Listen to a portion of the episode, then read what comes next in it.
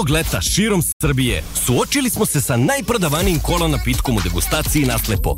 Više od 20.000 učesnika pridružilo se Pepsi izazovu. Pitali smo koji kola ukus vam se više dopada. 57% učesnika izabralo je Pepsi ukus. Hvala na učešću. Prati svoj Ćao svima i dobrodošli u najnovi izdanje 99 jardi koje se zove Jesam vam rekao, ali nećemo da se vraćamo malo u prošlost, šalim se da ste nam dobro, nadam se da ste dobro, mazite se, pazite se, vozite račune drugima i budite ljubitelji NFL-a, jer to je sa vama najjača ekipa koju predvodi Mihajlo Stefanović Miksa. U solo ediciji. U solo ediciji njegova lepša polovina, oh, izvinjam se, njegov partner in crime je nestao negde, ali tu je zato predivni Vanja Milićević, zvani Vanja. Vanja, dobro. Vanja, Jasno, 99 glasno, yardi. glasno. Jeste živi ljudi? Jesmo. E, dobro. Ovde ću ja da prekinem, ja Spremni. neću ništa da kažem. Spremni smo. Spremni smo. Gledam te. Što? Navijao sam za tebe. I ja sam. A, sam birao suprotno.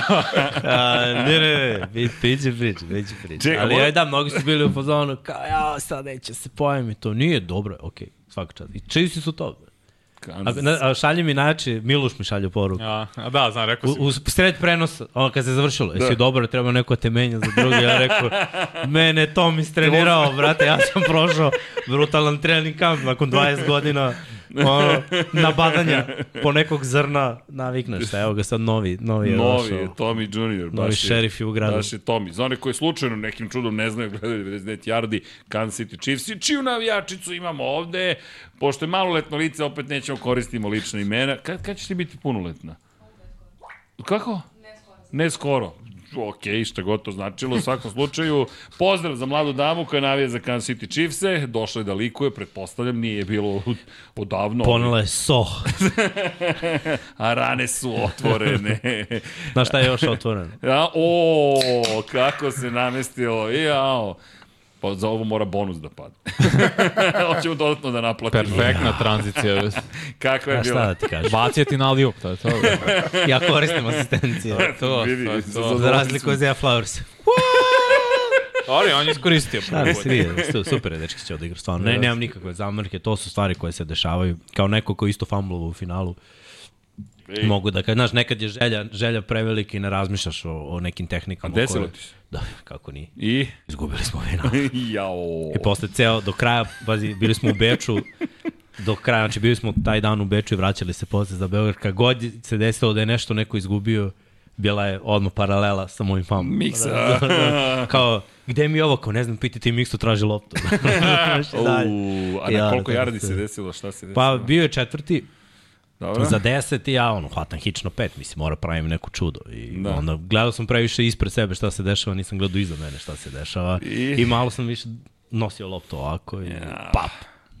I ode lopta. I eto.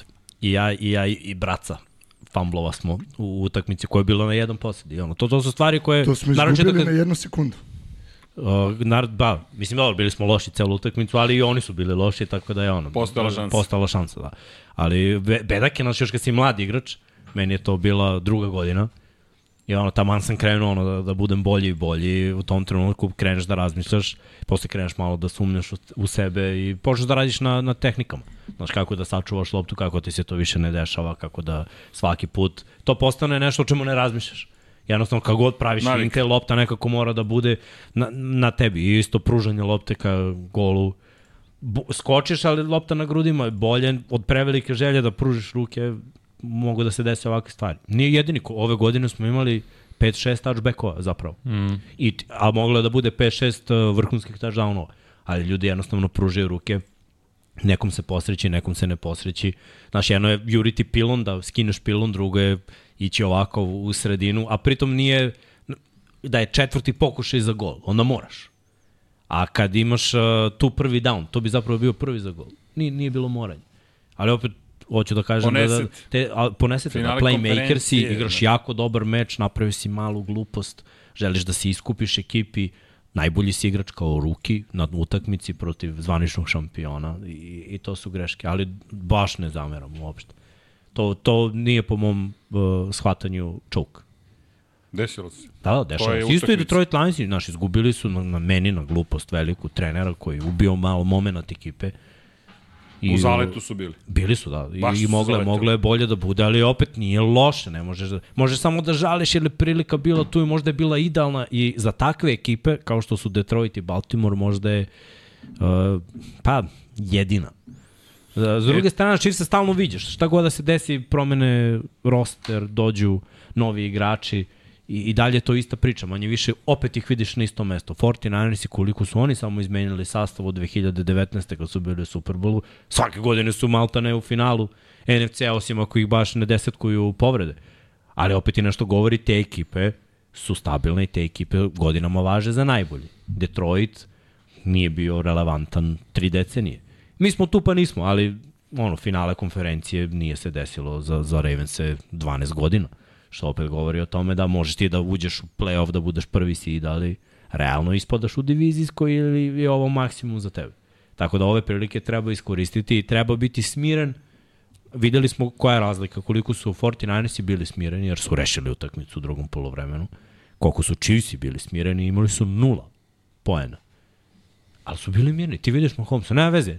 Pant, pant, pant, pant, pant. Mirno, lagano. Ne osvaja se prvi down, nema veze. Tu je i odbrana, tu je specijalni tim. Bilo je s te strane mnogo bolje, mnogo mirnije. I tu vidiš taj šampionski kvalitet, taj neki DNK. DNK koji oni imaju, šampionski. To, to je super stvar videti, jer danas je to redko u sportu.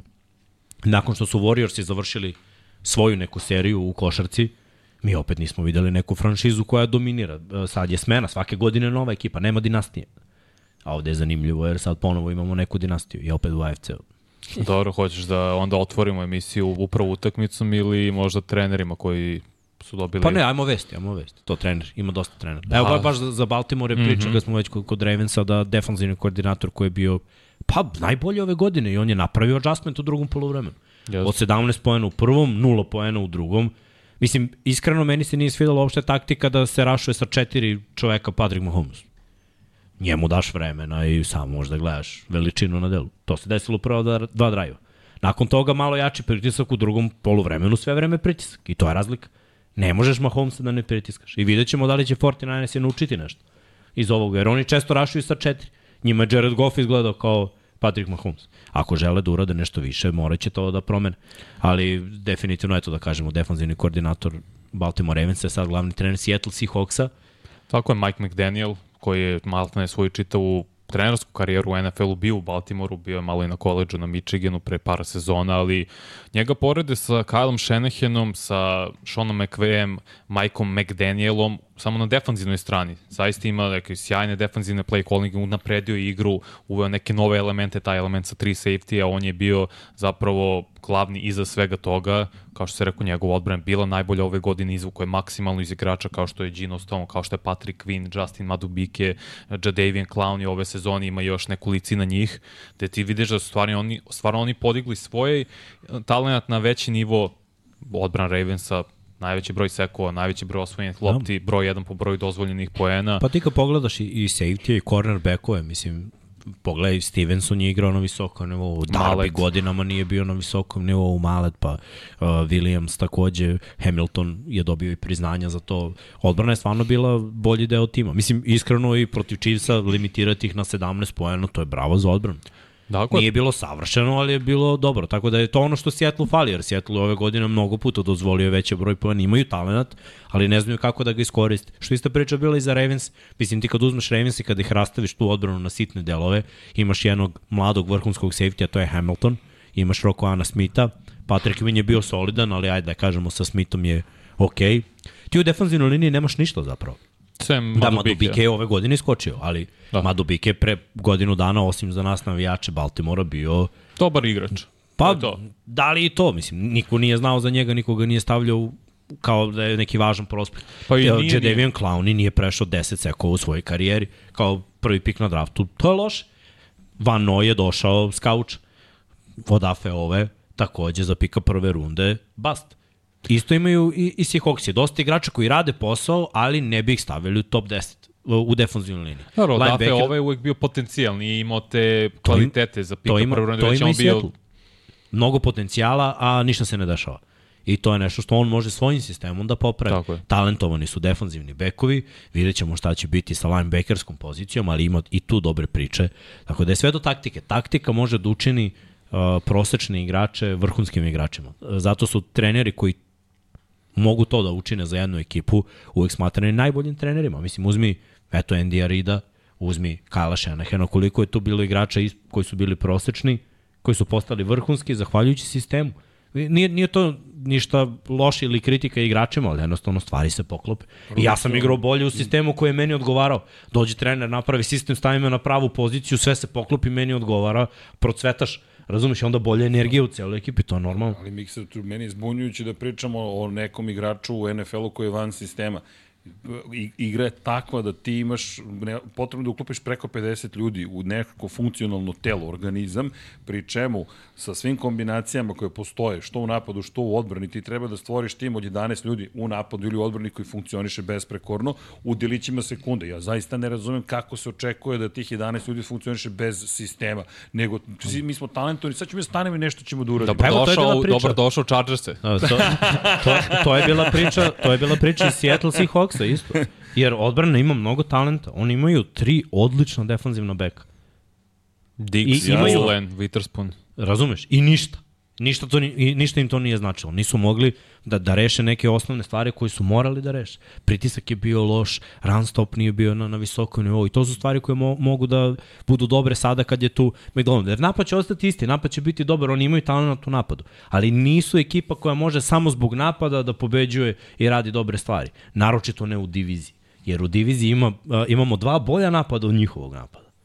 To je problem, jer ti kad naletiš na Rams, oni imaju bolji napad. Oni znaju da nemaju dobru odbranu, briga ih, napad kida.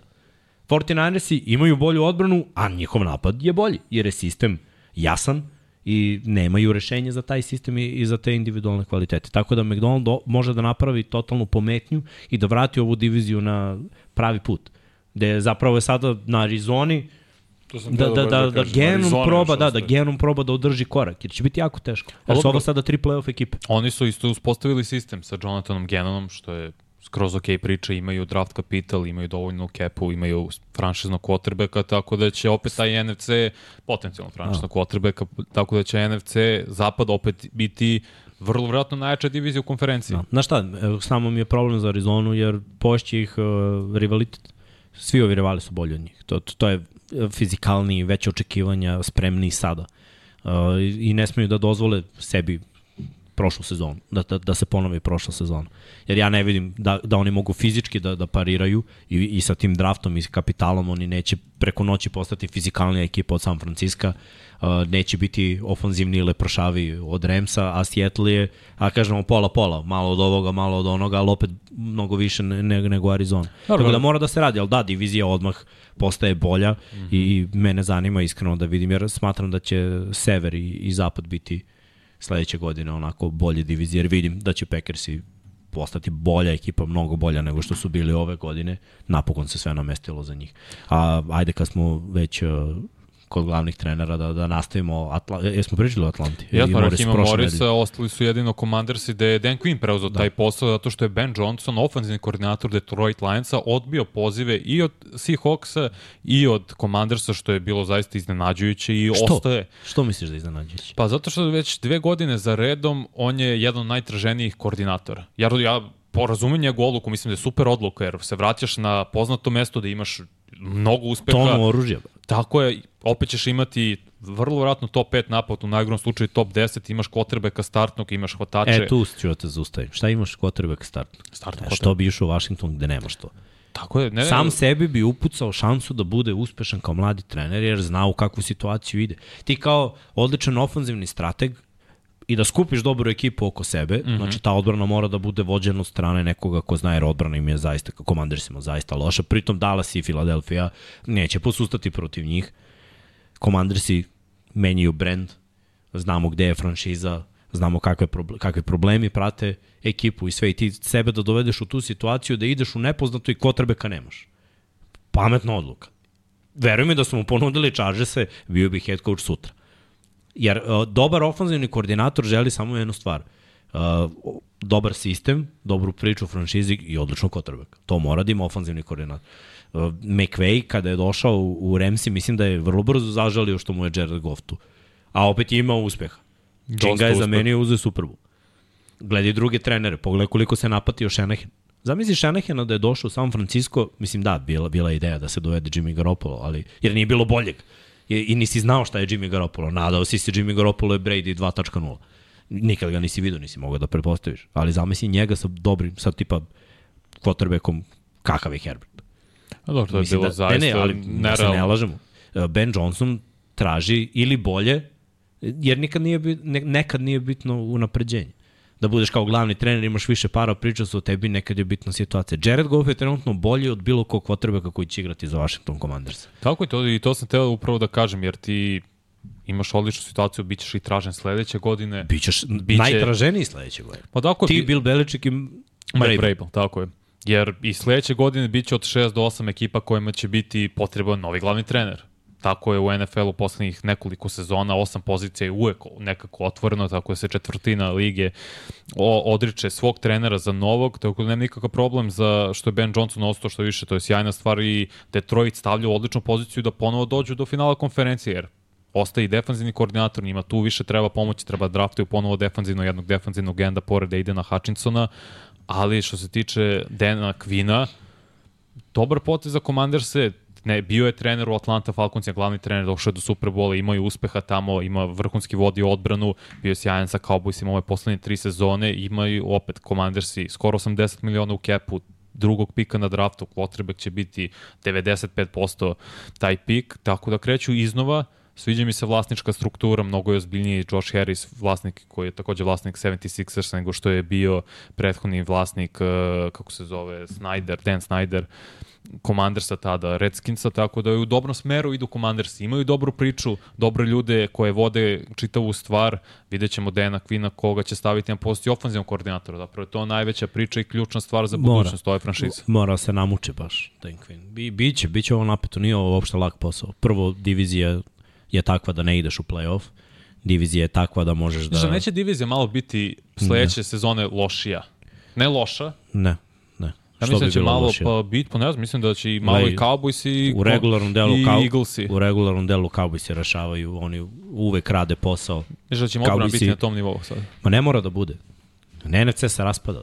I, I dovoljno je da napad radi ovo što radi, da oni kod kuće igraju kako igraju kod kuće i vrlo verovatno da će ući u play-off. Mislim, sigurno će ući u play-off, nema se lažemo. Šta ću raditi u play-offu, ne znam da li će biti prvak divizije ili biti peti, šesti seed. Dallas Cowboys ulaze u play-off, kao i Philadelphia Eaglesi. Mnogo je talenta na rosteru i, i sistem postoji. Čak i kad igraju loše, znaju da reše loše ekipe. Commandersi se neće promeniti preko noći. Dosta igrača, imali su neku zamisao, držali su igrače na okupu tri godine, nisu ušli u play-off. Jedna godina u stvari, jesu, pa tri godine nisu. 2020. tako je, kad su bili Tako šampioni divizije. I onda problemi. Nakon toga problemi, problemi, ekipa se rasparčala totalno, sada nemaju te igrače koji im trebaju i treba mnogo, mnogo, mnogo da se radi. Pritom u diviziji je problem, konferencija je sve talentovanija jer eto, pojavljuju se nove ekipe koje nisu trebale da se pojave. Nije trebalo da se desi da Green Bay Packersi za godinu dana sa Jordanom Lavom uđu u playoff. Trebalo je. A, a, a Da, pazi, a da li desilo se? Pazi sad Seattle Seahawks i opet imaju bolju priču ne, nego što ima Washington jer imaju talenat na rosteru. Imaju i zvezde, ali imaju igrače koji su talentovani, koji mogu za godinu dana da postanu ozbiljne zvezde. Imaju bolju priču, bolje su draftovali, stabilnija je franšiza.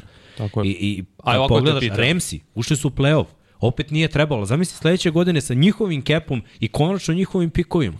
Tako je. Desit će se da, da će te divizije imati više. Minnesota, Kirk Cousins se vrati. Minnesota je u Slobodno ozbiljnoj agenti priči. moraju da ga vrate.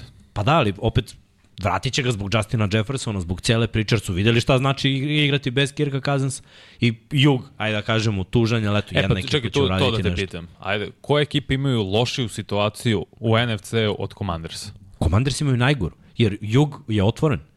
Dobro. Možda Karolina ima, jer opet novi trener, opet novi sistem, ruki quarterback je bio prošle godine, znači sad je sophomore, ali ništa nije naučio, pa i dalje ruki, i opet Giantsi? mora da uči. Ne, nemaju lošiju, jer su bili jednom u play-offu i sad nisu. I sledeća godina je sve ili ništa za Dejbola, ali su bar u posljednje dve bili jednom u play-offu. Da, da, ne, ne, pusti to što su bili u play-offu, pobedili nego su. kad gledamo ka budućnosti. Pobedili su u diviziji. Komandersi nisu prošle godine. To je najgore od svega što može da, da, da ti bude u sezoni.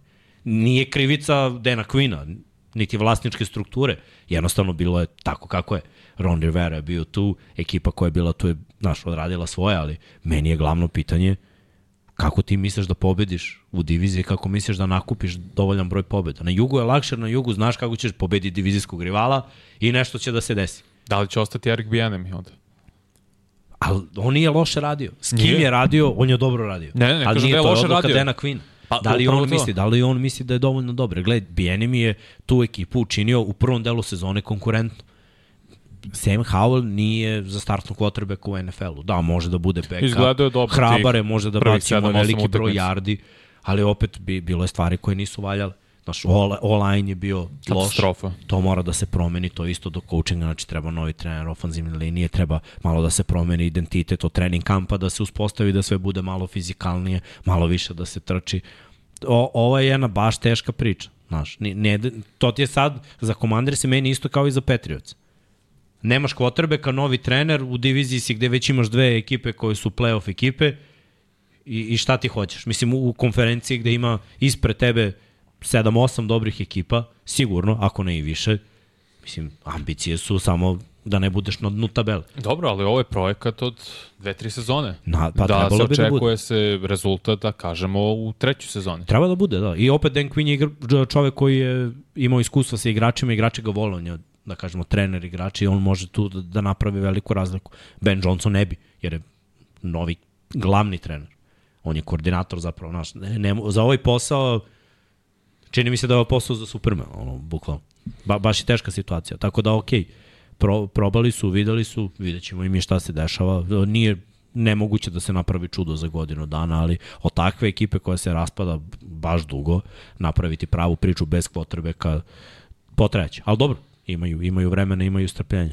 Mene, Evo- malo, pričamo malo o koordinatorima. Ja mislim da to nismo pomenuli. O, kojem tačno ko koordinator? Arthur Smith je dobio posao. E, tako je, Arthur Smith je dobio, da, to je sjajan potez za Steelers, sve pohvale za Majka Tomlina, napokon je doveo ofenzivnog koordinatora koji zapravo radi svoj posao. ali odgovara diviziji. Znaš. Njegov, njegova zamis odgovara diviziji. Mm. -hmm. Znači, prvenstveno, trčanje i, i ta zona sa play actionom, da quarterback ne mora da bude u spredu i da dodaje, već da, bude i trkač i dodavač. E sad, ovo je test za Piketa. Ako ga ovo ne pokažu u boljem svetlu, idemo dalje, novi quarterback nema. Prva godina, da kažemo, je bila boljitak, nije krenuo od početka, poboljšao se, druga godina stagnacija u istom sistemu koji nije za ovu diviziju, koji nije za Steelers i sada je nešto potpuno novo. Savršen napad za divizijske odbrane, pre svega Clevelanda i Baltimora koji igraju agresivno i napad koji je potpuno drugačiji od napada a, Baltimora, od napada Cincinnati-a i mm -hmm. od napada, sličan je napad u Clevelandu. Tako da, ajde da kažemo, odličan potez, moglo bi da se desi da bude pun pogodak. Uh, mislim da Arthur Smith ne može da bude glavni trener, ali je za kor ofanzivnog koordinatora super. Mislim, to smo već videli u, u Tennessee uradio je odličan posao. Jeste, htio sam da se nadovežem na utakmice tako što ću te pitati u vezi Majka McDonalda. Njegov naslednik će biti bivši igrač, Orr. Orr. Kako će to da utiče na odbranu Ravensa, da li će biti pad igra sledeće godine, naravno to dosta zavisi od personela, ne vidjet ćemo šta će biti sa Queenom, Adubikeom, Stonom, ali svakako uvek gubitak ja, takvog defanzivnog, to jest takvog koordinatora, generalno utiče negativno na ekipu. Pa, gledaj, Baltimore je u posljednjih 15 godina izbacio najviše pomoćnika koji su se unapredili u drugim timovima. Što znači da, da i obično se oslanjaju na svoje koordinatore koji unapređuju. Mm -hmm. Sad, to nekad bude pogodak, nekad bude pogodak na godinu dana, ali obično ti ljudi odrade posao. Evo ti Don Martindale, on je dalje defanzivni koordinator, Vic Fangio je bio glavni trener, i da, to, to su sve pomoćnici. Da se vratimo na Hugh Jacksona koji je bio takođe glavni Brownsima. trener. Mnogi, Marvin Jones je bio u Cincinnati glavni trener, bio je pomoćnik u, u Baltimoru. Mnogi treneri koji su radili u, u Baltimoru odu dalje. Eto, u posljednjih nekoliko godina uh, Kali je otišao u Houston. Nažalost, to se završilo sve nesrećno jer je dobio Da. otkaz posle godinu dana. Ne mogu baš da kažem da je on kriv za sve što se izdešavalo, ali eto, tako je kako je. Uh, dosta dobrih trenera odlazi. Sad, uh, zamisao zavisi od uh, toga ko će biti vraćan. Patrick Quinn je najveći znak pitanja, jer su draftovali ovog Trenta e, Simpsona. Simons- Simpsona, da. Ako im je, ako Quinn želi mnogo para, ne znam da li ima mesta za njega, a odigrao je sezonu, da može da se unuči. ali ako želi da se vrati, da ekipa odradi dobru stvar, onda može da se igra slična taktika. Ne mora nužno sa tri safety, ali ovo što su oni postavili može da se igra i, i sa dvojicom, sa jednim ekstra defanzivnim bekom. Uh, opet Stone u tržištu safety-a, to nije mnogo para. Uh, nije, nije težak posao. Taj def, mislim, on je već bio, nije došao čovjek ni otkud. On je bio kao pomoćnik u, Baltimoru, pomoćnik defanzivnog koordinatora, radio je sa pozicijom. bivši igrač Baltimore Ravensa, kad Tako je. pričamo o Zeku Oru, tri godine bio zbog povrede leđa i vrata, morao da završi svoju NFL karijeru. ali dobro pozna igru i siguran sam da se tu, znaš, opet i suviše dobrih trenera na svim pozicijama da bi se bilo šta značajnije menjalo. Jer Ravens imaju svoj identitet, da, McDonald je veliki stručnjak, ali mislim naučio je sve oko sebe. Ti dosta naučiš od ljudi sa kojima radiš. Ne, kad kažem da o- opadne nivo igre, da ne možda ne budu top 5 odbrana, sad su bila najbolja, Ali- da budu u rangu od 6 do 10. Ali dok je bio Don Martindale tu, Baltimore je bio rangiran kao top 5 odbrana. Ni- Nisu možda sve statistike bile dobre, ali seti se 2019. isto najviše osvojenih lopti. Uh, druga, dobri igrači mogu da budu dobri u različitim sistemima. A ja mislim da su ovaj sistem sledeći neće razlikovati mnogo od ovog sada. Da će uh, i dalje forsirati dobre stvari svih ovih igrača. I ako ostanu svi na okupu, bit će jako dobro. Potrebno je samo podmladiti ekipu jer sada su već veterani na cornerbackovima, to u NFL-u mm -hmm. ne ide, tu mora malo da se podmladi. I mislim, ekipa je dobra, spremna za jedno dve godine. Kad govorimo o manama timova, mislim, nije mana biti u finalu AFC-a, niti je mana imati jednog ili dvojicu slabijih igrača, jer smo videli da, da bez nekih velikih imena Ravensi su defanzivno bili jako produktivni. Da. Tako da ono, to, to je dobra priča za koordinatora koji dolazi i nema ono zadatak ispravi krive drine, od loše odbrane napravi dobro. Ono od odlične odbrane treba da se- zadrži da drži se smernica Tako zapravo. Dobro, i to je s nama sjajna spajalica, možemo da pređemo na glavne teme, dve utakmice, final konferencije AFC i NFC, prvo AFC, e MTNT banka, stadion Ravensa, Baltimore prvi put domaćin u finalu konferencije, izvoli, radio si utakmicu u tvoj Ravensi, Ravensi prvi put Izvini, domaćin. ovo je bilo izvoli. E, moram ja nešto da izvolim. E, a, a, sponzorski segment se zove ne poprskati računar Pepsi Lime-om. I To je prvo twist pe. Pepsi Twist, nije Ne, lime. Lemon flavor. A A lime je Pepsi drugo. Lime je Dobro, dobro, znam, znam, zero sa deca, ne brinite, nisam toliko star. Imali smo i Mili Muntus. Jesi na i- snasu decom? Ima, da. majke moje se to čuva. Pogledaj ga. Pogreši čovjek i kao mi deca. Sada odeš u prodavnicu i da kupiš Pepsi Zero Lime za kaznu. Limetu smo imali, imali smo mi ta citrusna voda. Da, ne, ja sam twist, twist sam volao pre. Jeste Jeste, Sad je. Dok sam pio sa, sa šećer. Sad, sad, sad smo su fi, Šećeru. Daj mi, daj mi sekund, brate. Ova, Aj mi, o, vidi Da. ga Srki. Aj, je. jer ste vi Aj, to tražili. Jer ste vi vi to tražili. Kad kažeš da smo tražio? deca, nismo više deca, ustali su nam u autobusu. Meni su ustala deca Ja. u autobusu. Officially all. Ustala deca od straha. Čekaj. Officially all. Ušao je, ušao je sa ovim uh, rekvizitom koji je pozadi i mislili, gledaj, ovo je kad nas izlupa. Izvolite, gospodine, sedite, Nisam, voleo bih da je tako. Ulazimo na vrata i od njih dvojica momci, klinci, 7, 8, 9 godina. Izvinjam se, sede ovako nas gledaju i kao, I ustaje jedan, ustaje drugi, ovako značajno gledaju nas dvojicu. Mi gledamo kao, što hoće od nas, znaš kao. I ovako gledaju kao, hoćete da sednete? I kao, molim? Mo- mo- mi da sednemo i počeli da se smemo, njima sad neprijatno što se mi smemo, onda je pao fist bump. Znaš kao, čekaj, deco, hvala, divni ste, kultura. I posle recite da nema- cool, Kao i mi smo. Posle Oh, recite yeah! da nema Oh, yeah! lepo vaspitane dece. E, Vanja, on brnuje večeras, izvedi je bacač plamena i puš. Dobra, dobra, Vanja, dobra, iskusno, fair enough, fair enough. Imali And rame now back to kačkete. the game. Bili ortaci. E, ovo je Star Wars, ne, ne, low cut, low cut farmerke. Vidi me, vidi me s kačketom. To je to, ima to. Znaš, ono, stomak vidi napred, Iskrio pozadi ga je je malo krek. kao. I to je Jo. to, užas. E, Miksa, koliko sam mogao, ja sam ih odveo sa strane, vrate, ali izvoli.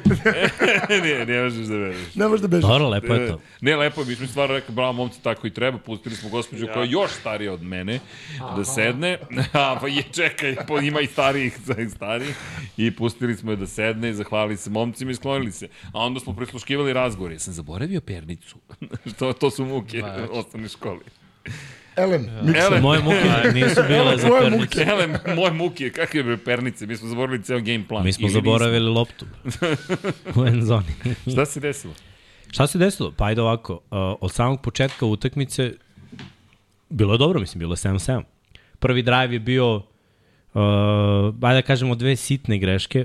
Mislim da je da prvo trčanje Lamara je bilo diskutabilno da li je krenuo da kliza ili se bacio napred, ja mislim da, da se bacio onako lateralno nešto što on stalno radi, a sudija je ocenio mesto odakle se on bacio kao kraj akcije i tu je treći za sedam umesto trećeg za pet. Ali opet to su stvari koje, mislim, tek je počela utakmica, nije to ni toliko važno, to su dva jarda, sledeće dodavanje ide za Nelsona Agulora, koji za razliku od prethodnih utakmica kada je hvatao ispušta loptu. I to su bile boljke Chiefs i Ravensa cele godine. Ti neki drugi momci koji ne mogu da uhvate pas. Pas ide u ruke, on ima drvene ruke, ne može da uhvati loptu, lopta ispada, pant. Chiefs imaju drive od eh, 10 minuta, daju touchdown, koji je problem? Pritisak sa četiri čoveka. Uh, šta je problem kad igraš? Blitz protiv Mahomesa, igraš blitz protiv Mahomesa često, izgubiš jer Mahomes nađe rešenje. I na ovoj utakmici meni je glavni faktor bio Travis Kelce. Uh, u pojedinim momentima zamisao je bila takva, pošto se šetao po, po formacijama, da ne može da ga čuva Hamilton, nego da mora da ga čuva Stevenson, koji je niži za glavu, sitniji, Slabiji. i, i nije na tom nivou nogama. On nije dovoljno dobar cornerback da nogama sebe dovede u situaciju da bude blizu, već stalno kasni. A kad igraš kao niži igrač, kroz leđa višeg igrača, krupnijeg igrača, nema šanse. To ti je kao u košarci, mislim, kad se napravi mi smeči playmaker preuzme četvorku na niskom postu. Uh, taktika uvek dobrih trenera je odmah pravi faul. Čim vidiš da lopta ide njemu, pa, pa odmah faul ako niste u bonusu. Ako ste u bonusu, probaš da igraš odbranu, ali on, onda ga ne diraš, nego ga pustiš koš da ne bi bilo 2 plus 1. Ali ako niste u bonusu, odmah faul. I ovde ti je situacija, znaš, mislim, problem, veliki problem. I, i to se desilo par navrata. Uh, prvi pas za touchdown, iskreno, ne možeš da zameriš ni jednom defanzivcu koji je zalepljen za ofenzivnog igrača. Šta je falilo? Pritisak. Jer je Mahomes imao vremena u džepu. Kad Mahomes ima vremena u džepu, onda ide savršeni ball placement, jer to on zna da uradi. I ovaj ball placement je bio na koleno sa spoljašnje strane, tako da Hamilton, znaš, on mora da, jako je teško praviti ta hvatanja. Mi smo to na trenizima vežbali milion puta. Jer ti trčiš okrenut grudima ka kraju end zone i moraš da pivotiraš i da se okreneš ka pilonu, ka autu, a lopta ide nisko. Znači ti u tom trenutku kad se okrećeš, gubiš loptu i onda je sve do koordinacije očiju, prstiju i mora da pronađeš loptu i da je ušuškaš i da uhodi. Jeste vidjeli koliko je to teško bilo hvatanje? Ovo nije samo Patrick Mahomes bacio savršenu loptu. Mahomes je bacio savršenu loptu, ali ovo je savršeno uhvatio mnogo, mnogo težak pas. Smo- Konekcija između njih dvojica. To je tako, ali i veličina jednog i drugog. Mm. Tako da je Kelsey već u prvom polovremenu oborio rekord Jerrya Rice-a, bio je fantastičan. Drugi drive uh, Ravensa je bio dobar, bio je touchdown, opet bilo je trčanja, što nismo videli na utakmici, malo su zaboravili taj segment igre. A to malo kritike za to da Monkena, ekipa koja trči 200 yardi bez problema, na ovoj utakmici nije istrčala 100, a nije da je kao ekipa Chiefsa zustavila to. Gas je dva puta trčao, prošao više od 10 yardi, Lamar je imao dva dobra trčanja. Uh, delo mi je da Justice Hill nije baš bio u elementu, ali on je dosta sitniji, a Chiefsi su prilično krupni u toj prvoj liniji, pa mu je bilo malo teže. Ali to je bio prvi način, kako trčati i uh, držati Chiefse na petama. Umesto toga Chiefsi su igrali futbol Baltimora, a Baltimore igrao big play futbol, što nije baš identitet. I onda, ok, prošle taj touchdown za Flowersa, opet sve pohvale za Lamara, izbiće sek, namestiti Gasu, Edwardsu, blok igrača koji je promašio seke koji je ostao u backfieldu, to ono je bio prelep potez. I pas je bio savršen za taj prvi touchdown. Nakon toga Ravensi se previše pretvaraju u big play I ove godine ono što nije bilo dobro za Baltimore kad igraju taj spread futbol, ofenzivna linija popušta. I sad, sad tu dolazimo malo do, do priče da se Ronnie Stanley zapravo nikada nije oporavio od, od ove povrede. I ove godine nije igrao sve snapove od kad je uh, bio na operaciji, dve godine su već prošle, ali da li, ne, ne zna se više jer je povreda iz globa, iz globa popušta i koleno, izgubio je totalno tu lakoću u kretnji jer je jako krupan čovek u pitanju. Kada ide unazad, kada radi taj pas pro. Uh, drugačije kad blokira trčanje. Tu mogu da kažem da, da radi dobar posao, ali ovde nije bilo dobro. I ima tu dosta priča o tome šta, kako, Lamar je kriv za fumble, taj fumble na kraju nije se ispostavio uopšte loš za Baltimore jer su Chiefsi išli na njima nečuven rizik drugi put u drugoj utakmici, oni ne uspevaju da iskoriste grešku protivnika na njihovoj polovini. Što nije baš svojstveno za Chiefs. Tu sam mislio da, da će se prelomi, da se prelomi meč. Fumble Lamara, kada, uh, da zamisle ljudi, da, da razumeju ljudi samo, kada se poziva big play i kada hoćeš od kotrbe, kada kotrbe ostane u džepu, ne možeš da ga kritikuješ kada je njegov levi tackle sa slepe strane popusti u protekciji 1 na 1, jer ti igraš sa šest igrača u protekciji, pet ofenzivnih linijaša plus running back, protiv četiri igrača Chiefs. Znači, to je u tvojoj glavi kao napad, kao kotrbe kad držiš loptu i znaš da imaš šestoricu protiv četvorice i moraš da čekaš da se razvije big play koji je 10-15 plus yardi i stojiš u džepu i oko tebe nema nikoga sa strane i ispred, ti ne očekuješ da ti dođe pritisak s leđa. Ti nisi kriv ako fumbluješ. To nije tvoja krivica. To je krivica igrača koji izgubio duel 1 na 1. I to je bio u ovoj situaciji Ronnie Stanley. I to je bila potencijalno velika greška da Chiefs nisu bili pohlepni i da nisu odlučili da idu na četvrti za jedan, gde su mogli da šutiraju field goal. Išli su na četvrti za jedan, odlična odbrana, tu je moglo da se desi čudo. Nije se desilo, bilo je 17-7 na polovremenu, U drugom polovremenu... Izvini, izvini, prema što nešto drugo polovreme. Ja moram se vratiti na tvoj komentar kada je ne za touchdown, ali onaj moment kada se Mahomi oslobodio, pritisak je sa svih 10 strana. sekundi. Da, 10 10, 10 sekundi, sekundi, da. I, I nije samo to Kelsey koji se baca kao da je mladić od, od 19 godina. Balon. Idemo i ti Balon. koji kažeš u tom momentu ovakve, ovo rešava utakmicu. Rešava, Ovo da. rešava utakmicu. Ko je bio na njemu tad, da znaš? Stevens, Ali, pa, ali, koji ga je pratio, ali ne može, Ne ne možeš 10, 10 10 sekundi ne može. beskonačno. A bio je pritisak sa četiri čoveka i uh, kasno je došao Rokovan Smith. On je čekao 6 sekundi da krene u taj pritisak. 9 i po, radili smo mi analizu, vidjet ćete kada bude bila NFL arena za Super Bowl, uh, Ivan i ja, Jimmy i ja, smo ovaj, baš obeležili to i, i tu kretnju i kad pritisak je došao mnogo kasno. 9 i po sekundi je zapravo imao u momentu kad je izbacio taj pas. Pritom taj pas je bio ono, Bože pomozi, nešto što Mahomes često radi, Ali kad imaš čoveka u koga veruješ, koji je u coverage-u 1 na 1, to, to su situacije koje menjaju. Ali opet to je bilo, ono, drugi touchdown, nije, to strašno da dozvoliš dva touchdowna tako dobroj ekipi Ali, za znaš šta je polovreme. meni tu bilo? Dve stvari. Prvo, ajde, ja ću da, da, da, da govorimo o, ajde, prvo utakmici, posle nečem drugom. Pod jedan, ti u tom momentu stavlj, jasno stavljaš ekipi Baltimora, ljudi, ovo ćete teško da dobijete. I to je moj utisak. Kad god igraš sa tako nekim, ti si fazon, čekaj, da li je moguće? Da, moguće, jer to je Mahomes. Ali vidiš, to zavisi, ali Ima- to zavisi od tebe i tvo, t- uh, Tako tvoje je, percepcije. ali opet, znaš. uh, Meni to nikad nije bio, mislim, mi dok smo igrali, Ali to si ti. Gu, ali nema to veze. Znaš kako, ja imam utisak da takve stvari mogu da slome protivnika. Ne Gledaj. kažem da su slomili Baltimore, ali to je Odbranu nisu to je slomili. stav. Ne, Odbrana je sve vreme. Gledaj, i posle toga, odbrana je imala jako dobar stav. Pa imala je još bolji zapravo gledaj, ne, ne, koliko ali je gledaj poslednji drive. Dobro. Koliko puta si video, mislim, neću da kritikujem sudi, ništa sudi ovde nisu krive, Baltimore izgubio utakmicu. Ali bilo je situacija koje se ne sviraju u regularnom delu, ne u play-off. Mislim, jesmo videli Imao posle situacije koje se Lions i- sviraju, ne, ne, a nisu poslednji, poslednji drive. Ok. Tu ćemo da se fokusiramo. Uh, Lions i protiv San Francisco. Ali nije ista situacija. Znam naš se mišli i to Brate, ukazao. vidi, Po, nije, povlače se, guraju se, udaraju se, sudija priđe, razdvoji ih i smiri. I to se dešava poslednjih 15 To je godina u. NFL-u. Gledaj, u, u wild card rundi, u divizijskoj rundi, ovo je finale konferencije. Da. Ozbiljan je ulog. Ovde ima malo priče, ima malo priče, priđe Van Noy, zakuci, zakuca se kacigom, ali nije ga udario. Nije krenuo rukom, ništa, nego je bilo ono 15 kao yardi. priče i 15 yardi. Uh, to se ne svira. To se jednostavno ne svira. Dobro, sa tim... Sve drugo, Sve drugo je bilo... gledaj, udarac Ej. Mahomesa po kacigi, Zay Flowers, taunting, to se svira. Da, da, To je- ne možeš da radiš. Jedino slažem Ali u play-offu ove stvari, ove, To sa Van Noem, ali mislim da je tu Kelsey pokazao dve stvari. Prvo, znam kako da isprovociram i drugo, ja sam Srki. Travis Kelsey. Ja Srki. ovde vučem na, na svoje ime. Srki.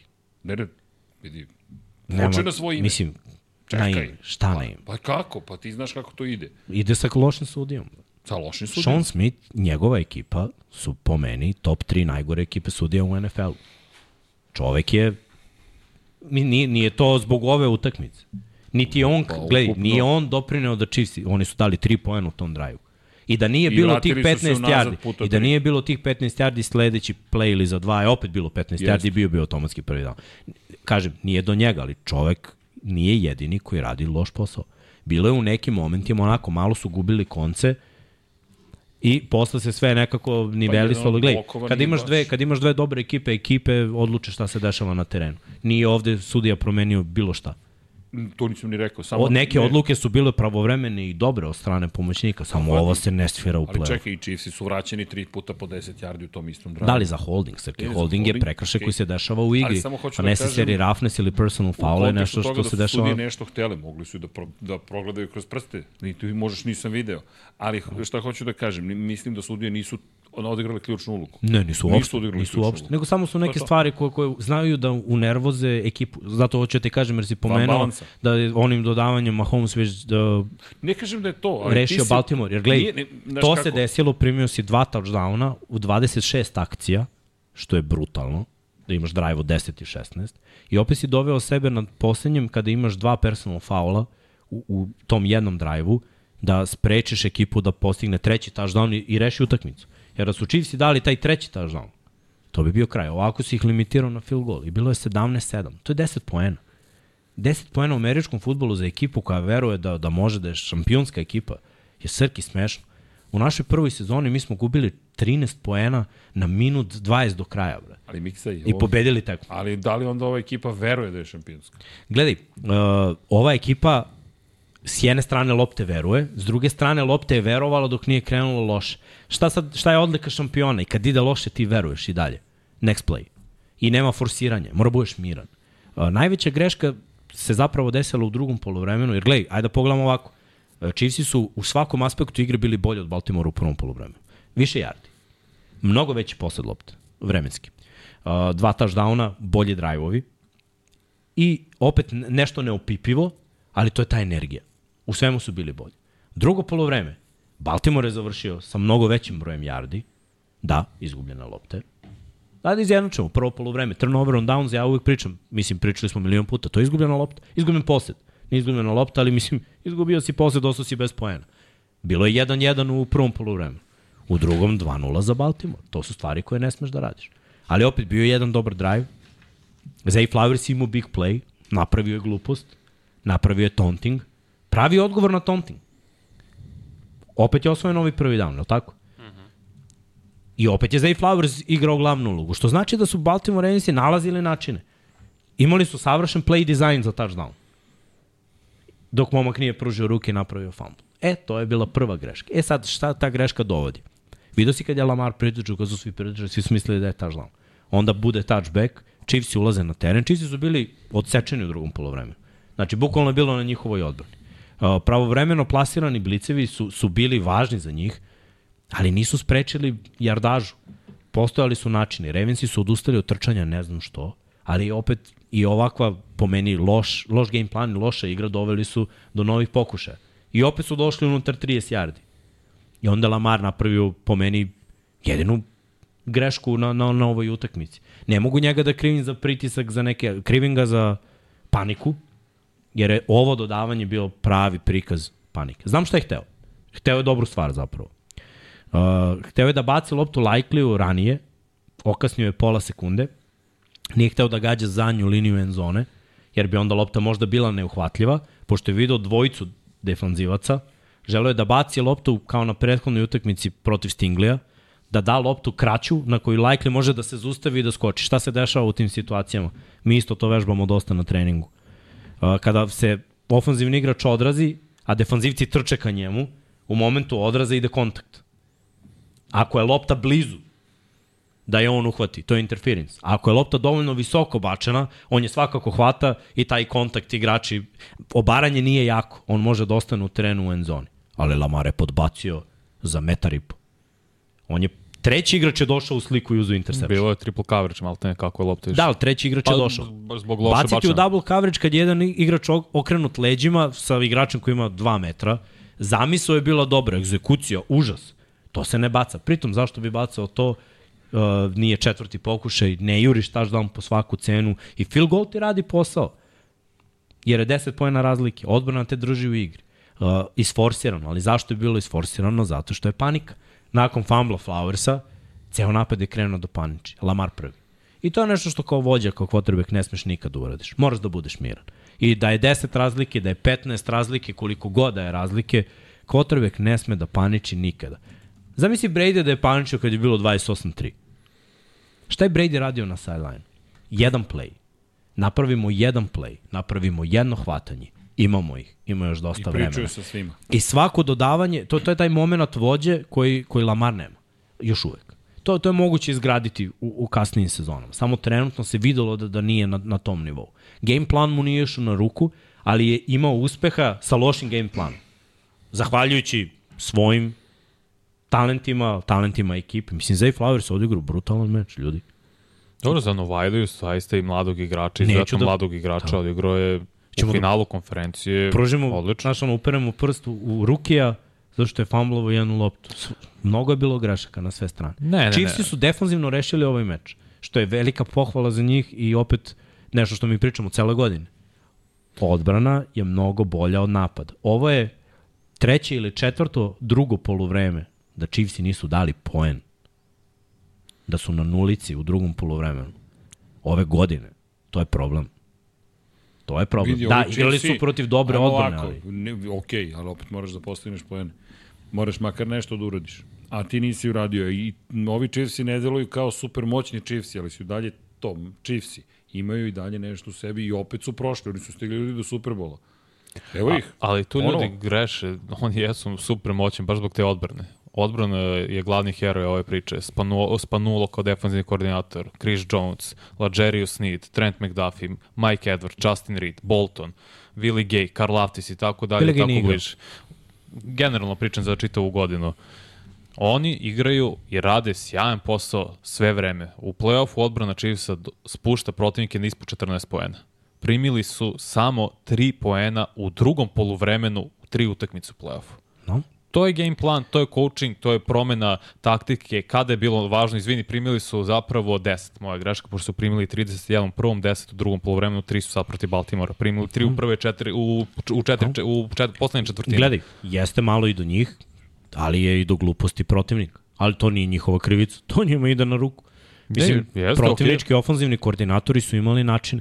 Meni je stvarno smešno kako je Buffalo doveo sebe u situaciju, ali opet uh, greške u momentima pritiska, jer se stvaran nešto neopipivo oko Mahomesa što plaši očigledno sve druge quarterbackove osim Joe Burrow.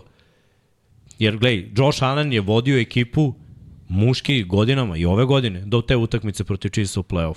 Lamar cele godine vodi ekipu, konačno je postao ono vokalni vođa, dok nije krenuo da paniči u drugom polovremenu, u, dru, zapravo u četvrtoj četvrtini u play-off. Kad nije mesto panici, ta treba budeš najmirniji. I onda se završi utakmici, ti budeš miran, ali realno gledano učinio si uslugu odbrani. Jer ne uliva, ta odbrana Chiefsa je vrhunska, ali ne uliva ti ona strah. Protiv njih možeš da igraš i igraš. Uliva ti strah ono što sledi nakon odbrane.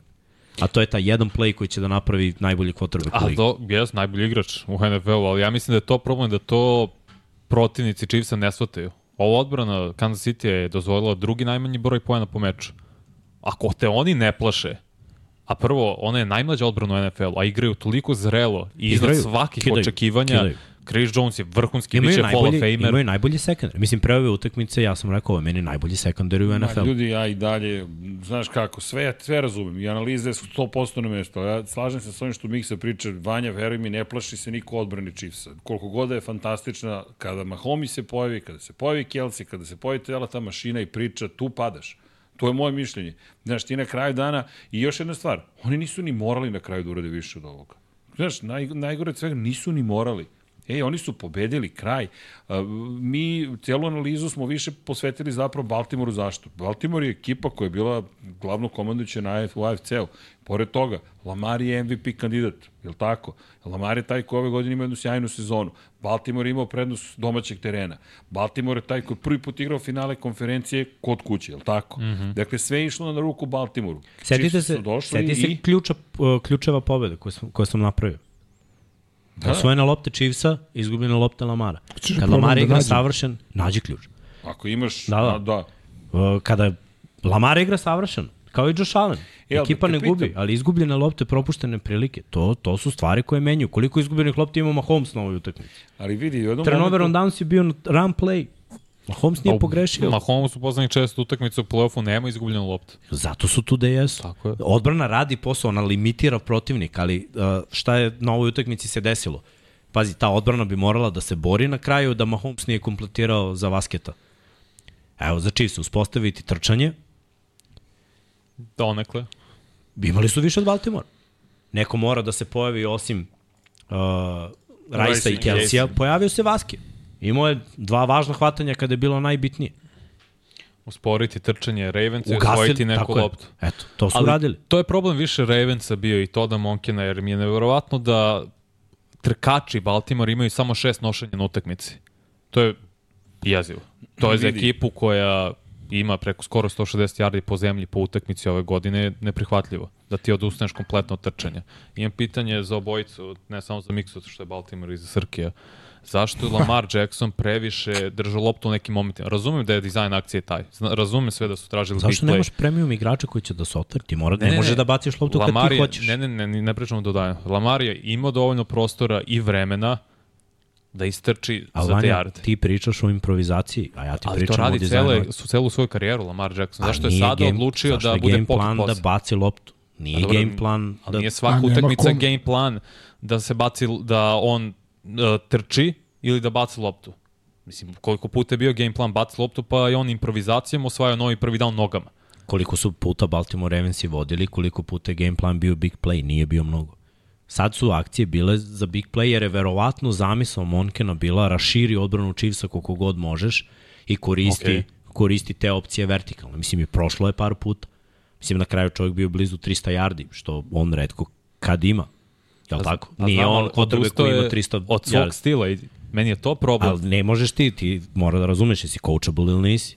Nije Lamar Mislim Jackson. da se ne bi niko, izvinite što te prekidam, mislim da stvarno niko ne bi pomislio niti rekao da je Lamar to uradio, da je nekoliko puta odlučio je neću da gledam big play, prošlo su 2-3 sekunde, ne, niko se ne otvara, sad ću da uzem da trčim jer ima dovoljno prostora, kao što je rekao, raširili su odbranu dovoljno da makar uzme 5-6 jarda. Sve vreme ima špijuna, nije bilo toliko. Znači, napravljen je game plan da, da neko bude tu i da prati. Mislim, O, o, zato da, kažem, on bi možda 5-6 mogao da... yardi bi sigurno Okej, uzeo. ali jer ne, ne bi ga Bolton stigao. Kogod je bio špio, da li je Drew Tranquil, nije važno. Gledaj, ja kao coach, da pozovem big play, nebitno da je to moja zamisao pet puta i da mi quarterback trči, a ja mu kažem big play i pozovem protection, on ne baci loptu. Imao zar- bi problem sa quarterback. A zar to Josh Allen ne radi? Evo, na primjer. Nemoj se uvatimo sad da Josh Allen Ne. je to drugi trener, drugi quarterback. Pitao si pitanje, dobijaš odgovor na pitanje. Zašto nije? Zato što nije game plan. Nije, to, Zašto- nije ta akcija. U Zamisli čemu, šta je razlika košarci- između Joe Brady i Toda Monkena? opet me pitaš drugo pitanje, nisam ti, nisi završio, nisi prihvatio odgovor na prvo. Zamisli u košarci pozoveš pick and roll Ok. i odigraš drugu akciju totalno, za, za pobegneš od igrača, odeš na drugu stranu. Ti kao coach mu bi problem što igrač ne radi što si mu zadao, je li tako? Tražio si određeni play. Zavisi koji igrač. Ako je najbolji igrač na terenu, ako je on procenio da je nešto bolja odluka od same akcije, ne bi imao problem. Jer bi video rezultat toga. Aha, ili će biti potencijalno big play koji ne mora da znači u manje slučajeva se desi da ne bude, ili naš quarterback, naš najbolji igrač MVP lige, donese odluku, istrči 5-6 yardi i mi živimo još jedan down. Znači, bude... Pa ne živiš jer imaš pokušaj za 10, mislim, ni, nisi trčao, znaš. Šta imaš opet pokušaj za 5 yardi i šta onda radiš? Ni, lo, loš je bio game, game plan je bio katastrofa. Ja se slažem da je bio loš lo- game plan. Loše je bio izveden i sve vreme je poenta bila da, da se ne trči. Da, ja, i- ja bi više volao da je trčao Gus Edwards nego Lamar. Ok, slažemo se. I Gus Gas Edwards bi imao tri nošenja. Gas bi istrčao 5 yardi, je li tako? Mislim, videli smo cele godine da trčanje ide. Ekipa pazi. ima 160 yardi, Svelo se na ekipu Prosek- koja nema trčanje. svelo se na ekipu koja nema. Nema trčanja. Da, game plan je bio totalno drugačiji. Zašto? Ne znam. Ja to nikad neću Ali razumjeti. nemam- gledaj, nemam problem kada odustaneš vidim- od svog bread and butter, ono, od toga živiš i ti odustaneš. Da, da. Razum, ali onda izabereš drugi put i bar ga ispratiš. I Ne, ne. šta ti taj drugi put kaže? Nemoj da radiš te stvari, nisi za to. Vidi, da, Nisi za to. ja bih razumeo da nije funkcionisalo trčanje i da si ti imao 15 nošenja u kojima nigde nisu prošli. Kažeš, ok, sad je vreme da nešto menjamo. Kao što smo videli šta su radili u drugom poluvremenu u prethodnoj utakmici. Nešto su menjali na poluvremenu. Ali ti nisi ni pokušao svoju osnovnu igru da uspostaviš. Ti si se već, ja, ne, ja mislim da, pazi, Mahomi i ekipa, oni su u svom filmu. Ljudi, oni imaju dve titule, to je druga, to je, s tom ekipom drugačije igraš. Oni su potpuno opušteni, prošli su ovaj put već x puta. Pa ne, ozbiljno, oni su, znaš, i to pitanje, sad će onda ode u, na gostujući teren i šta, smrznuće se. Mahomi će se smr... šta, od straha, od čega? Ne razumim, šta, nepoznati su mu vremenski uslovi. Potpuna besmislica, to je, to je čovek i ekipa predvođeni Andyjem Reidom, koga, su- koga su isto ne, spominjali ste ga, ali ljudi, to je tim pobednički kraj. I ti sad, Mhm. moj utisak je kao da je Baltimore sebe pobedio i pre nego što je počelo utakmicu. Ma nije što je Ne sve zašto? pobedio. Pa zato što mislim da su se pripremili drugačije nego što se ranije inače pripremali. Da su bili previše Gledaj, pripremljeni. nisu igrali protiv Chiefsa, imali su zamisao. Ti kad imaš zamisao, treba da je promeniš ako ne ide. Imali su zamisao, videli su da ne ide i nastavili su da rade isto. To je najveća greška. Ali, ali to je game plan. Taj, taj adjustment koji se desio defanzivno, da. ofanzivno nije.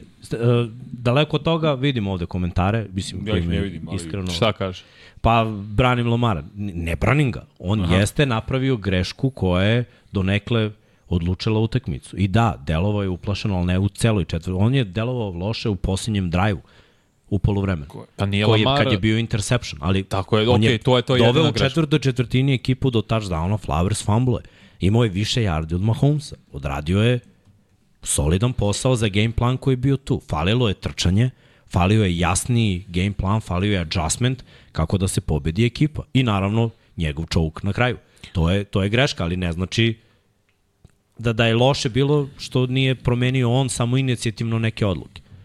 Ako je ovo game plan, ako ti drugo, vidimo ovde par komentara isto, kad Lamar hoće trčanje na četvrtom downu, na četvrtom downu kad je kratka situacija, ne može, ne, i to on priča sa Harbom, tu se Monken i ne pita, Harbo odluči Naravno. da li se ide ili ne, Monken pozove Pa jeste. akciju. Izvini, komentar je, Miksa skinuo kapu, Infinity je iznervirao se.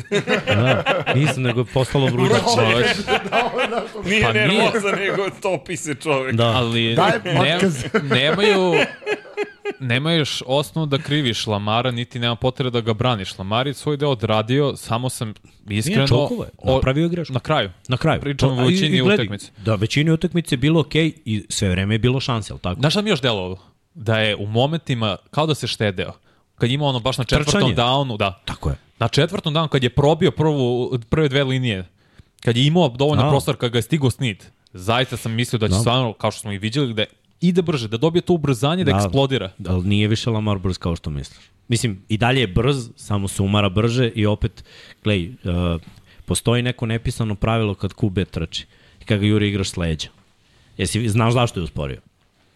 Napravio je Steve Army, spustio ga je čovek lako, jer da je trčao jako i da, da ga je ovaj uhvatio za noge, mogu da mu izvrne zglob ili tako nešto i to ti je kraj utakmice sigurno. Mislim, ulazi Huntley i sa Huntleyem ne bi bilo ništa. Ovako, osvoje prvi down od kvotrbeka koji trči, to hoćeš.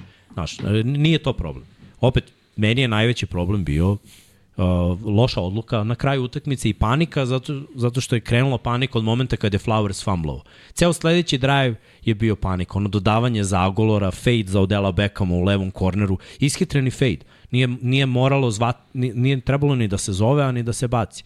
Jer, jer je bilo mnogo kraćih nekih situacija i prilika za, za dodavanje. Ali dobro, to je opet na je neiskustvo Toda Monkina. Kao i ko, koordinator u ovim situacijama. Lamara, posle pričam za celokupni game plan, što nije bilo skoro nikakve promene. Lamara u poslednjem drive-u, to je već i ovo sve si lepo objasnio što se tiče panike i donošenja odluka previše ishitreno, ali to da Monkin mora on da nauči. Možda sam ja previše i očekivao od Johna Harbo da bude na poluvremenu, znam da je on, radi. specijalni, znam, jasno ali toliko ima iskustva kao Mike Tomlin, da u određenim situacijama stvarno očekujem ne ide ovo. Ajmo trčanje. Ajmo ono što nam je išlo, jer je ipak glavni trener. Da. Da. Razumem šta mi pričaš, nego to je opet moj utisak. Gledaj, znaš šta mene zanima? Seća se da se Gas povredio na prethodnoj utakmici. Mm -hmm. Da li je on bio 100%? Ja to nigde nisam mogao da pročitam, nigde nisam mogao da istražim i da nađem. Delovalo mi je okej, okay, ali možda njihova zamisao bila Justice Hill i Gas u nekih 5 do 10 nošenja. Justice Hill nije mogao da krene uopšte. Mislim, to kad nemaš zvezdu, kada nemaš neko ko se ističe, a trebalo je forsirati Edwardsa, napravi problem. Onda ne nemaš play action. Baltimore je ekipa koja trči, radi play action da. i dodaje. Nije ekipa koja je u spredu sve vreme. Jer nemaš te hvatače. To, to je, nema, niti imaš kvotrbeka koji je na nivou da napravi od hvatača koji su ispod proseka vrhunske, niti imaš hvatače koji mogu da naprave separaciju. Mislim, opet si video Odela, kad smo videli Odela? U četvrtoj četvrtini. Gde je bio Odel do tada? Nije se uopšte Kao da u formacijama. A to mi to isto a, a zašto Ne štediš igrača? Možda je poslednja utakmica u sezoni. Ne znam, to, to to su stvari jasno. koje, koje nam nisu jasne, koje ne razumemo. I, i ono, zbog toga je ovaj, sve ovo još Ja sam te pitao posle utakmice, zato što sam došao ranije, da li je Odell 100%? Da li ga Ne zato štedi? Da li ne mi može je, da igra? Gledaj, delovo mi je okej kad je hvatao lopte. Pravio je separaciju. Ali može jedan da igra 5 do 10 snapova da je on, ajde da kažemo, primarna meta. Ma, brate, kad možeš da igraš pet akcija, možeš da igraš i 50 akcija. Mislim, Sve mi jasno, samo to je legitimno pitanje, jer ga nismo videli do poslednje četvrtine u suštini. zanimljivi izbori. Zanimljivi izbori. Svakako imao si šanse iznova, iznova, iznova, iznova i na kraju si doveo do toga da ekipa Chiefs ima treći za devet, odbraniš ti imaš dva minuta da pojuriš izjednačenje, ne odbraniš se kraj tekme, uh, Molet protiv Valdez Kentlinga. I to je bio još jedan probus sudija.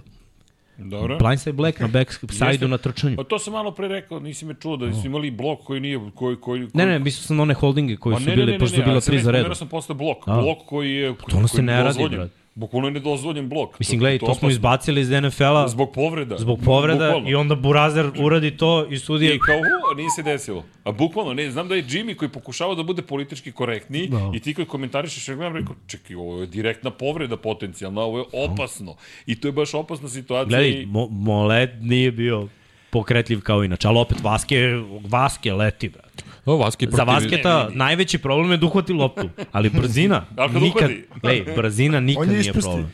Ne, Vaske leti po terenu. Ne znam, verujem da se nećeš složiti sa mnom i ovo je sada mnogo ličkije, ali uh, Vanja je malo pre pričao, čini mi se o Lamaru u momentu, znaš kako, ne kada poštoješ game plan, ali vidi kad je sve ono otišlo dođe vola. A nije, Saki, Nije, nije. to je problem. Zato što nije otišlo dođevo. Zato što je jedan touchdown razlike. I ti su zapravo suzdržan u Tako momentu je, kada bi možda trebalo da kažeš, ma daj. Jer gledaj, kad je ode do dođevalo, to su dva touchdown razlike, panika, nema vremena, ali jedan touchdown razlike, coaching je takav da nikad ne smeš da Razumem, da uh, ali... baciš taj game plan u drugi, pa mora da veruješ ono što ti ono ko, si treneri serviraju. Jasno.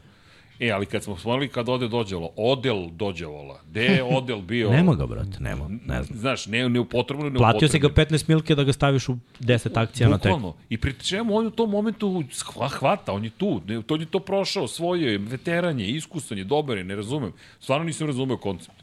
A, pruže dobro hemiju u slačionici, pomaže Zeo Flowersu, Znam, pomaže a mogo je mladim da bude hvatačima. dobra fizika na terenu, znaš, mislim... Ja mislim da on ne može da bude to. Da, ne, ali vidi, Ne može na po- celu utakmicu. Ne mora celu utakmicu. Ali koristili su ga na kraju. Pa na kraju, pa, Pa, pa to, Kasno. ali to, ja mislim da on Znaš. fizički više ne može Ma to da ne, igra. te ne može igrao je pola ove sezone. Igrao. pa, Ima ali utakmice vidi, sa ne 100 traži yardi. niko njega da igra te 18 utakmica za redom, ovo je jedna.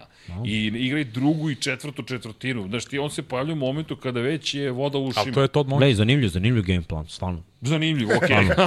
Pošto je dobar. za- Ovo je za majicu. Ja Zanimljiv nikad, game plan. evo, gledaj, protiv Chiefsa nikad ovako ne bih postavio game plan. Nikad. E, nikad da- ne bih igrao sa, mo, sa ovom ekipom, Baltimora, nikad ne bih igrao ovako. Ovaj futbol koji je Baltimore igrao protiv Chiefsa u delo mogu da sprovedu Ramsi, Chargersi ako su zdravi u fullu, I to je to. Ne, ne znam koja druga ekipa ima Ajde potrebe ka hvatače i napada big play stalno. I, i trči ja, to ispod sam te 100 te pitam, znaš koji sam ja stekao utisak? Da je Brady bio protiv ove ekipe Kansas City Chiefsa. Ja mislim da bi to bilo klasično 5 yardi, 7 Razmontiravanje. yardi. Pa bio je, ali drugi je bio... Drugi, Drugi, bio ali odbrana je bila mnogo gore. Ne, ali, pazi, u ovoj odbrani, šta prolazi protiv ove odbrane Chiefsa? Jel prolazi ta vrsta igre? Jel Malo šta prolazi, prvo A imaju znam, Vanja, ja mislim bruka, da koliko god je dobra odbrana, znaš, tu ispade da je nemoguće pobediti tu ekipu. Gledaj, ne, prolazile su stvari. Zay Flowers je sve vreme imao vertikalno, uhvatio je fade, uhvatio je onaj corner koji je imao, isto bio big play. Znači, Znaš, nisu ono, ne Ne, pobedili. od koga su Chiefs gubili ove godine? Ma dobro nije to biti, nisu igrali sa, igrali sa dve playoff ekipe, mislim. Ne, ne, su okej, gubili. okej. Mislim, Billsi ispuštena greška Tonija koji zbog toga i ne igra više u play-offu. Detroit Lionsi greška Tonija. Gledaj, Pick six, to su dva poraze. Do, izgubili su od diviziji, čini mi se dva puta ili jednom od Jesu. Denver Broncosa, zato što je odbrana grmila Mahomes je te, tu utakmicu bio bolestan. Izgubili su od Eaglesa isto na nek, stvarno neverovatno, opet njihove greške su ih koštale. Či oni sami sebi u, su, u suštini pucaju noge. to su teli na ovoj, to je za malo i na ovoj utakmici bilo. I na ovoj protiv Bills. Bills su mogli da pobede nakon fake panta. Nicole Hardman pravi drugi fumble na meču. Touchback. Ovde imaju četvrti za jedan da rešu u prvom polovremenu utakmicu. Fail. I- Imali su i oni diskuta, znaš, ono, diskutabilne odluke.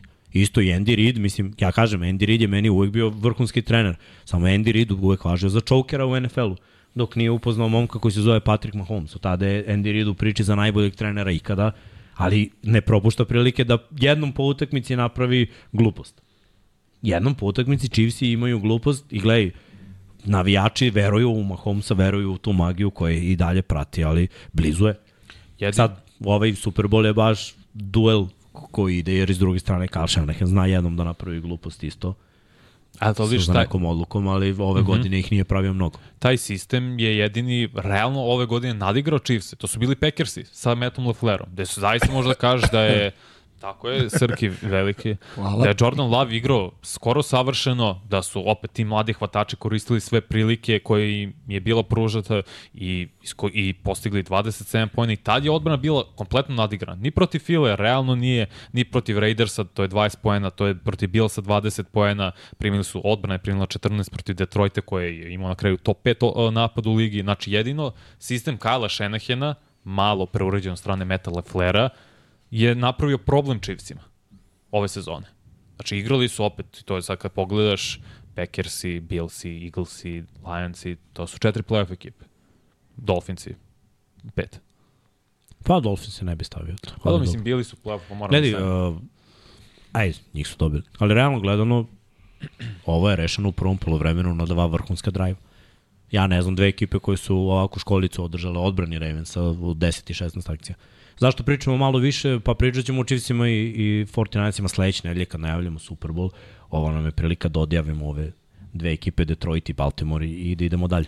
Možda nije, samo kažem, Charles Omeniho je pokidao ligament u kolenu, tako da neće igrati za Chiefs Super Bowl. Šteta, pošto on Tu zaista... nije igrao na ovoj utakmici, odlično. nije igrao, njih čekamo da vidimo šta mm. će biti, a ovo ostalo to, to će biti zanimljivo. Svakako bravo za Chiefs lepo odrađeno, školski odrađeno, ali Mahomes je s razlogom najbolji kube u ligi. Mislim, s razlogom mi pričamo stalno kada god povučemo neku paralelu, danas poredimo quarterbackove sa Mahomesom. Moraš da budeš na tom elitnom nivou ako mislim, želi, želiš da te smatramo najboljim igračem u ligi. Ovaj momak je uvek faktor. Srki pušta i Detroit i, i San Francisco. Evo ti slična priča, manje više. Kao što su Chiefsi pobedili time što su se Ravensi pobeđivali sami sebe i pravili gluposti. Ovde su Detroit Lions imali utakmicu i vratili 49ers u igru. Sami sebe su pobedili. Svojim graškama. Svojim greškama i malo greškama game plana trenera. Isto, ista priča. To, to, to su velike greške. Jer ovako krenuti meč, 14-0, 24-7 na polovremenu. Pritom, 49ers je rush sa četiri igrača, ne mogu priđu golf. Bila su dva seka, okej. Okay. Mislim, bravo, za bosu. Ali, realno gledano, posle tog seka na trećem za 15 ide pas u, u broj. I jedan novi sek je bio down. kad je bio zapravo pritisak sa petoricom, kad je se upucao no. linebacker pa nije znao koga Penay Sewell da izblokira pa je prošao Nick Bosa. Ali to, to su stvari koje, mislim, i to je opet bila greška pomoći Jamira Gibbsa. Jamir Gibbs je pogrešio 5-6 puta na ovoj utakmici, užasno. Ali dobro, ruki je, to, je to. Ne možemo krivimo momka koji opet radio svoje. Trčao jarde, uhvatio je touchdown. Tu on ima pomoć. Pomoć uh, ide od spolja ka unutra. Ti ako vidiš unutra, jer unutra ima više igrača, imaju tri o- o- linijaša na dva igrača. Spolja je jedan na jedan i dolazi peti. Ti moraš da čekiraš gde će da, da popusti da vidiš odakle dolazi taj blic i, da pomogneš. Pa zato sam rekao, On trčanje se s zapucao da bude četvrti protiv dvojice u sredini i dolazi čovjek s polja. To mu je jedna greška, posle imao fumble. Ne možeš Burazeru da fambluješ na liniji skrimidža, da nosiš loptu u jednoj ruci i da pogrešiš stranu uopšte na playu, odakle uzimaš handoff. To su greške Rukija, Montgomery je kidao utakmicu. Stvarno ne znam, cele godine ne znam zašto Montgomery nema više nošenja. Montgomery je trenutno bolji bek, nema dileme. Jamir Gibbs je talentovaniji, može da napravi veći bum i zanimljivije akcije, da sve to bude više za highlight. Ali Montgomery je kompletni bek, bolji u pass protectionu, sigurniji, ne fambluje u goal line situacijama, kratkim situacijama, odradi posao, a isto je sposoban da osvoji više yardi. Videli smo na ovoj utakmici njegova trčanja od 10+. Plus. Neće krenuti da zuji po sekundariju kao Gibbs, ali radi bolji posao. Forsiranje Gibbsa ih je malo koštalo u nekim momentima, ali to nije bilo sve. Jared Goff, najbolja utakmica u karijeri koju sam ja gledao Jareda Goffa bila na ovoj utakmici. Bravo za Jareda Goffa. Jednostavno je održao časove odbrani 49ers. Ako im je ovo radio Jared Goff, ja nemam pojma šta će Mahomes da im radi. ali to je opet ono što sam pričao, dodavanje između brojeva. 270 plus yardi. Da, imao je jedan touchdown jer su rešavali situacije drugačije. Imali su Montgomerya za touchdown, imali su Reverse. Gibbsa za touchdown, imali su reverse Williamsa za touchdown. Tako da su odradili dobar game plan do momenta. Eto, i to mi isto bilo nejasno. Kraj prvog polovremena, ja sam bio u fazonu, gledaj, jedno je regularni deo sezone. Imaš malo sekundi do kraja, četvrti je pokušaj, šutni tri. Neka odu 49ersi na polovreme sa 24-7 i neka razmišljaju o 17 razlike. Jer Chiefsi su ovo radili pre par godina protiv Bengalsa, kraj polovremena, neće da šutnu, idu na touchdown, dodavanje za Hila, Bengalsi se odbrane i ulaze u drugo polovreme sa nekom ludačkom energijom, odbranili smo touchdown, tu lomimo utakmicu. Nisam mislio da će to ovde da se desi. I opet, 49ersi su odradili posao, postigli jedan touchdown, četvrti pokušaj. Brate, zašto? Ja ne mogu da se otmem utisku. Imali smo to pitanje, Jimmy je poslao da, da je neko pisao i pitao zašto četvrti pokušaj tu. Iskreno ne znam, ako nisi bio dosledan išao na ovom u finišu prvog polovremena, zašto bi išao ovde? Nije četvrti za jedan. Da, to je njihov identitet. Pusti identitet, regularni deo, ovo je play-off, svaki poen je važan. Ne može sebi da skidaš poene. Izgubili su s tri razlike. Dva field gola su imali. Dva puta je bila field goal zona kad su išli na četvrti down. Možemo da upiremo prstom i kažemo Reynolds je imao loptu na rukama i na trećem pokušaju mm -hmm. ga je pogodila lopta. Jeste, ali ti kao head coach si dužan da kad igrači ne odrade posao, da pošalješ specijalni tim na teren i da šutneš field goal. Je ima sramotu u tome, Petrijuci ne bi imali tri prstena da Vinatieri nije bocnom tri field gola. Evo, druga filozofija tada. Sada svi više rizikuju. Ma kažem ko da to... rizikuje? Znam, ali Je, je Kyle Shanahan rizikovao. ovo nije pitanje. Njemu je Moody šutirao i na kraju su došli do field gola. Ne postavlja se tako, ne, ne, nebitno za eru. Jedno je regularni deo, drugo je playoff. Moraš da šutneš trojku. Nemaš kikera koji promašuje 50 šuteva, znači pouzdan je bio ove godine. Lepo je vreme, ne pada kiša, nije daleko. Dobro, menjali su kikere, nije bio Bageless cele godine, bio je u Peterson, pa je onda ima posle došao iskustva i u Bagel. dobrom nizu i šutira u sunčanoj Kaliforniji bez vetra. Gledaj, šutni, na- šutni jedan, šutni jedan. Promaši jedan, sledeći put idi na četvrti. Bageless na šutevima na otvorenom terenu preko 40 yardi nije pogodio 2020. godine. A to, to Dan Campbell zna sigurno.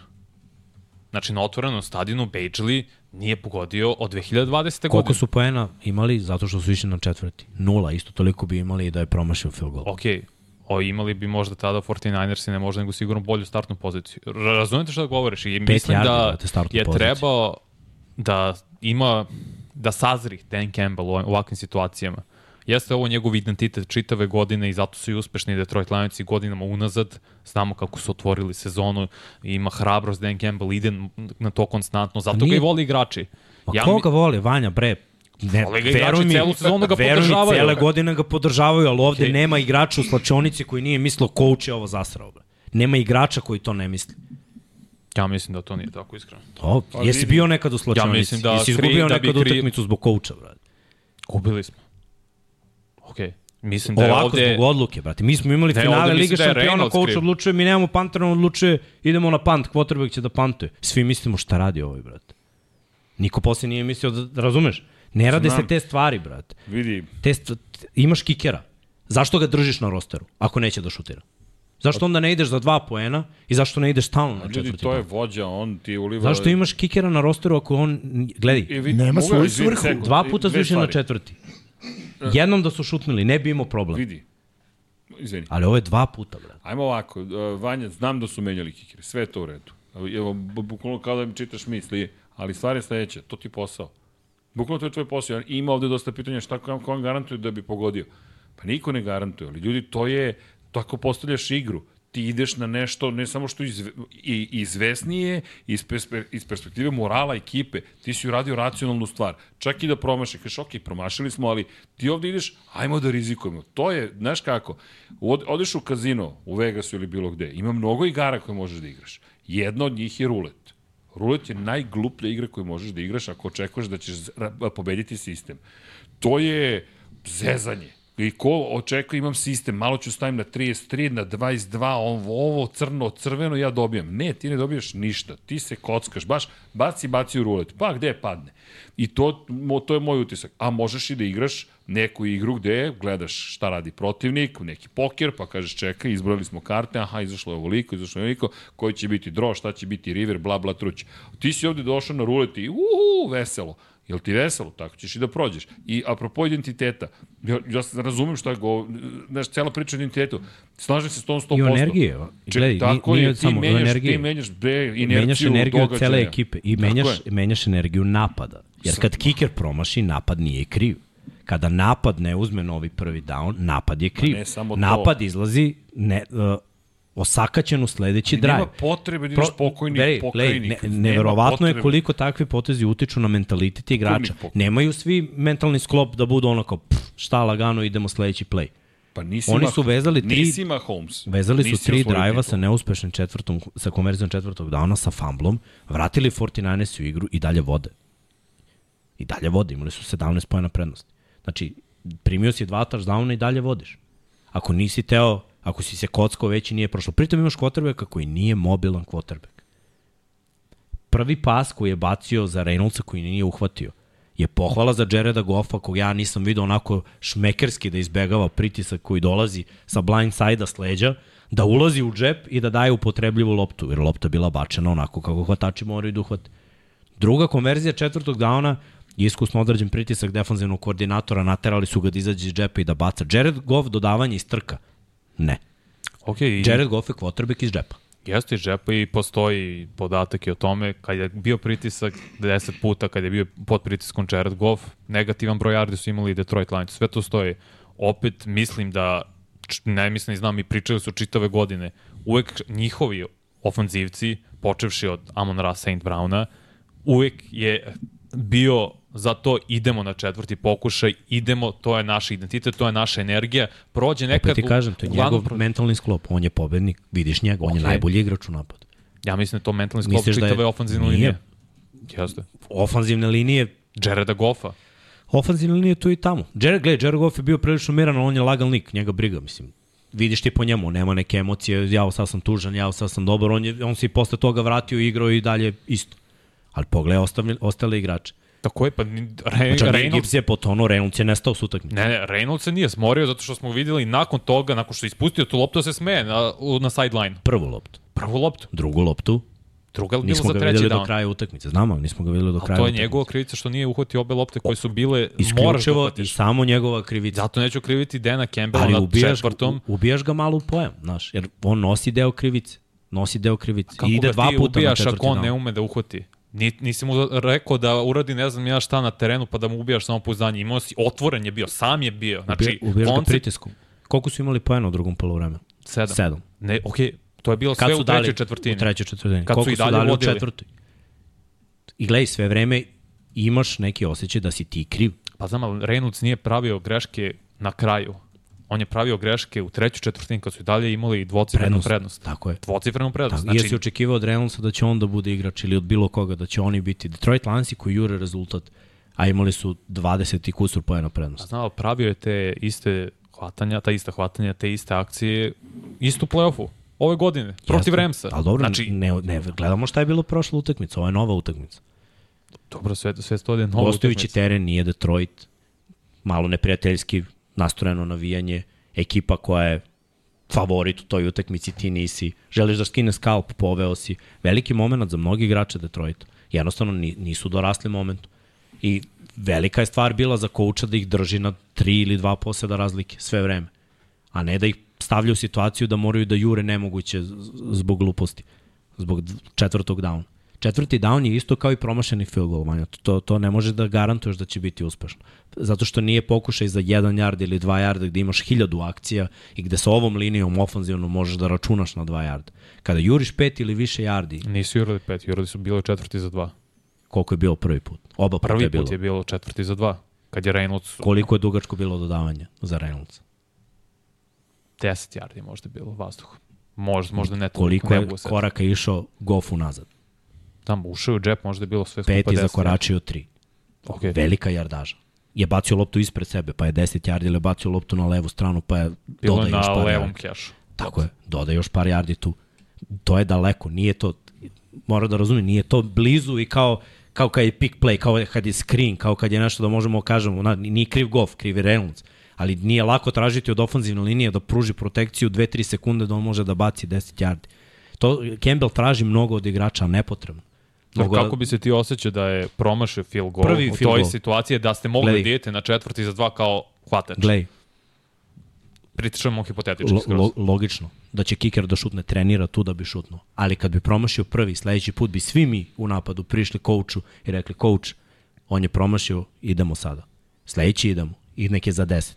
Ja razumeš? Dobro. Nemam problem da je išao na prvi i da nije bilo dobro, da je promašio šut pa da se ide za drugi. To, to mi je okej okay, razmišljanje. Jer ne veruješ onda u kikera, veruješ u napad, napad nijednom onda nije failovo, je tako? Onda ima rezona da ideš, jer već dva puta šutno, jednom uspešno, jednom neuspešno i onda, ok, prati svoj identitet. Ali već jednom nije prošlo. Zašto bi onda išao drugi put? A još je gora situacija i teža situacija bila drugi put. Drugi put si već jurio rezultat i bio si pod mnogo većim pritiskom. To je bilo četvrta četvrtina. Koliko si Kad gubio? je- Koliko si gubio rezultatski? Koliko je bilo razlike Gubio za San sam, zato što Francisco? si tada već pao. Tad su već, pre, ne, nisu stigli, prestigli su te tada. Tad je već bilo 34, čini mi se 20, uh, 24. Znači i dalje je bilo otvoreno. Nije bilo 34. Dali su touchdown kasnije. Bilo je 27-24. Okej. To je bilo za izjednačenje šut. Nije šut, ne juriš rezultat, Vanja, nema panike. Šut je za izjednačenje. Ali očigledno bilo panike čim nisu mogli da postignu nikakve panike. poene. Glej, ja- čim su ih sti, prestigli. Da Znači si- 20 poena za redom si primio. Da nisi... Na svoje greške. 27 poena na kraju. Ali glej, da nisi favorit, da nisi ekipa koja ima igrače, koja ima talenat, da ti je frka jer je sad ili nikad, ok, idi na upset. Ali realno gledano, nisam verovao mnogo u Detroit pre ove utakmice, ali oni su ih pokidali u prvom polovremenu. I realno gledano, imali su šansu ovde da, da igraju egal meč, da se bore i da budu u egalu. I nisu isporučili nisu isporučili. Napravljen je čouk, ozbiljan čouk. Malo od igrača, zbog nekih propuštenih prilika. Mislim, žao mi je, ali Reynolds i Gibbs su malo promenili svojim potezima tog meča. Pa nisu samo njih dvojica. I Mojamo Vildor. Draj, jednu ispuštenu loptu kroz sredinu. Krenula je mala iz treća 49 pa što što kaže. Vildora, ne znam šta je teo, da uhvati loptu. Pogađa na kraju je kacige. Ajuku ostavio stvar, oni dva puta trče isti slant. Prvi put greši Pardi, drugi put mu Ajuk priča, uzet ću diamond release i vraćam se u sredinu, daj mi loptu unutra, sačekaj me da izađem iz relisa. Brate, koliko to dugo traje. I odbrana to, mislim ono, vidiš da to rade i znaš cele godine da trče u goal line situacijama diamond slant. I brate, lik Ne može okrene kukove skroz i ne stigne pomoć iz sredine. Defanzivno je bio veći čovjek, mada defanzivno, a ja se ne lažem. Jesi očekivao, mislim, Detroit Lions i defanzivno nisu neka institucija. Vrše pritisak, ali ima tu mana dosta. Ne, imaju playmakere, ali opet to Ima su mana, playmakeri mislim. koji dobro idu blic. Bilo je pitanje kada će 49 ući u neki ritam. Zato ne smeš da ostavljaš poene na terenu. Mislim, to je moje mišljenje. Ne, ne volim da, da treneri to rade. Kada su u igri, ne smeš da imaš paniku kad gubiš tri razlike, bre, da hoćeš touchdown po svaku cenu. Šutni trojku. Bre. Dobro, ali to je opet danak na iskustvo. Jeste, I to je jeste. opet nikad, op, mislim nikad. Kad, je, kad su poslednji put igrali finale konferencije? 92. Znači niko, cela ekipa sem neiskusna. Jareda Goffa i još par igrača je igrao finale konferencije. Čitav stručni štab je neiskusan. Zato se stručni štab vraća sledeće godine. Tako je. Mislim, ne krivimo odabir akcije, akcije su bile dobre, samo situacioni futbol se ne postavlja tako. Da to neko nepisano pravilo, osnove. Uzmi poene kada su tu, naročito u play-offu, naročito na gostujućem terenu, jer drugačija je energija za ekipu koja guraš 49ers-e, brate, mno, mnogo napred. To je u stvari e, zarazno u ovom sportu, što što ne može da, da se objasni ako nisi Najbolje se objasni ako si igrao jer znaš koliko je zarazna ta energija. Pa jeste, evo, priče Srki, ni šta se ja pravim pamet. Najzaraznije je kada tvoja ekipa zaust, kada uvedeš protivnika u niz, u seriju grešaka. I ti se onda hraniš i onda ti si sve moćan. Ti na sideline-u i napad i odbrana. Vama je energija. Znaš kad počinje taj moment, bar meni iz ono all-line-a, kad počneš da maltretiraš ljude na taj način da počneš da im pričaš šta ćeš da im radiš i to zapravo i radiš. I onda prvo se ti osjećaš moćno, drugo QB ti ima beskonačno vremena. I kad postigneš touchdown, ne moraš ni da se raduješ. Ono, u fazonu si, znao sam da će tako da bude. Znaš, Evo šta bi ti, ti, ti si igrao online Dylan, šta bi uradio, šta bi volio da coach uradi u situaciji kad imate field goal? A znaš da, da ono, kiker može da šutne odatle, da, rizik je da šutne field goal, ali rizik je da idemo na četvrti. ne, ne, ne, ja bi, pa ne, pa, uf, zavisi. Gledaj, Ali ali, moraš da uzmeš, mora da uzmeš u obzir da protivnička ekipa je krenula s nekim poenima, a ti si kao napad stigao i zakucao na Ne, određenom ne, pa daj mi trenutku. neke poene, daj da se pokrenemo, brate. Jer želiš poene ili želiš da Želim rizik? poene. Gledaj, i od Želim dva poene, puta, brate. opet bi polovično izabrao, ne bi Tako je, izabrao. tako je, da imam dva puta, jednom bi jurio četvrti, ili prvi put bi zapravo šutnuo, drugi put bi bio u fazonu daj da probamo četvrti. Ne znam. I, ali bi podelio. Poeni, brate.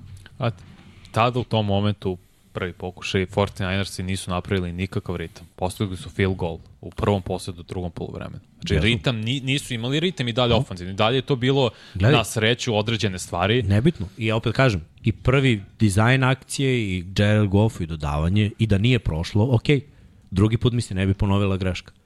Složit ćeš se, ishod je bio greška. Iako je bila dobra akcija i sve, na kraju si im dao loptu, gurno si ih, oni su dali touchdown sledeći play. Sledeći njihov drive. Znači sad si već napravio grešku, sad opet ima šansu, sad ispravi svoju grešku. Znači, dobio, nudilo ti se sve vreme, evo ispravi, izvoli. Evo, i ti kažeš, neću, idem. A zato kažem da je egzekucija bila loša. Nakon toga se desilo greška Vildora, greška Jamira Gibbs. Znači to je tri poseda za redom. Užas. Da ti greš. I 49 Ne. su onda nepobedivi. U tom momentu je kraj. Ajde da pohvalimo 49ers, ajde da pohvalimo Broka Pardija koji je prvo polovreme bio katastrofa. Da se ne lažem. Da. Stvarno ima neka srećna dodavanja i hvatanja Jenningsa da je bacio najveći balon ikada, da nije dobro reagovao Jack Campbell, No Wiley je još jedan njegov, njegov kiks i Jennings ima spektakularno hvatanje, ali trčanja Broka Pardija za novi prvi down, tri puta trčao preko 20 yardi, to Pardi nije uradio nikad u svojoj karijeri. No. Najduže trčanje mu bilo 17 yardi do sada. Šta je video? dovoljno prostora, bio hrabar, smiren, što je čitave godine Brock Pardy izuzetno smiren i No i Lionsi nemaju igrača koji, koji prati to, znaš. To, nema, to je nekad Anzalone, ali ne konstantno. Ne, ne može da Spori. Zato ti kažem, ne može konstantno. ali- Na kratkim jardažama je to, ali kada je već treći za 7-8, rašire ga, neće stići sigurno. Ako je scouting bio takav da se pogleda malo šta je radio Fields, šta je radio Lamar, šta su radili ovi quarterbackovi koji su trčali protiv Lionsa bez problema, pa čak i stava mi mozak, Dubs, Joshua. Joshua Dobbs. Mogao si da vidiš Don Ekle, mislim i malen si imao trčanja protiv Lionsa. Mislim, ako si malo pokretan, možeš da osvojiš neki yard.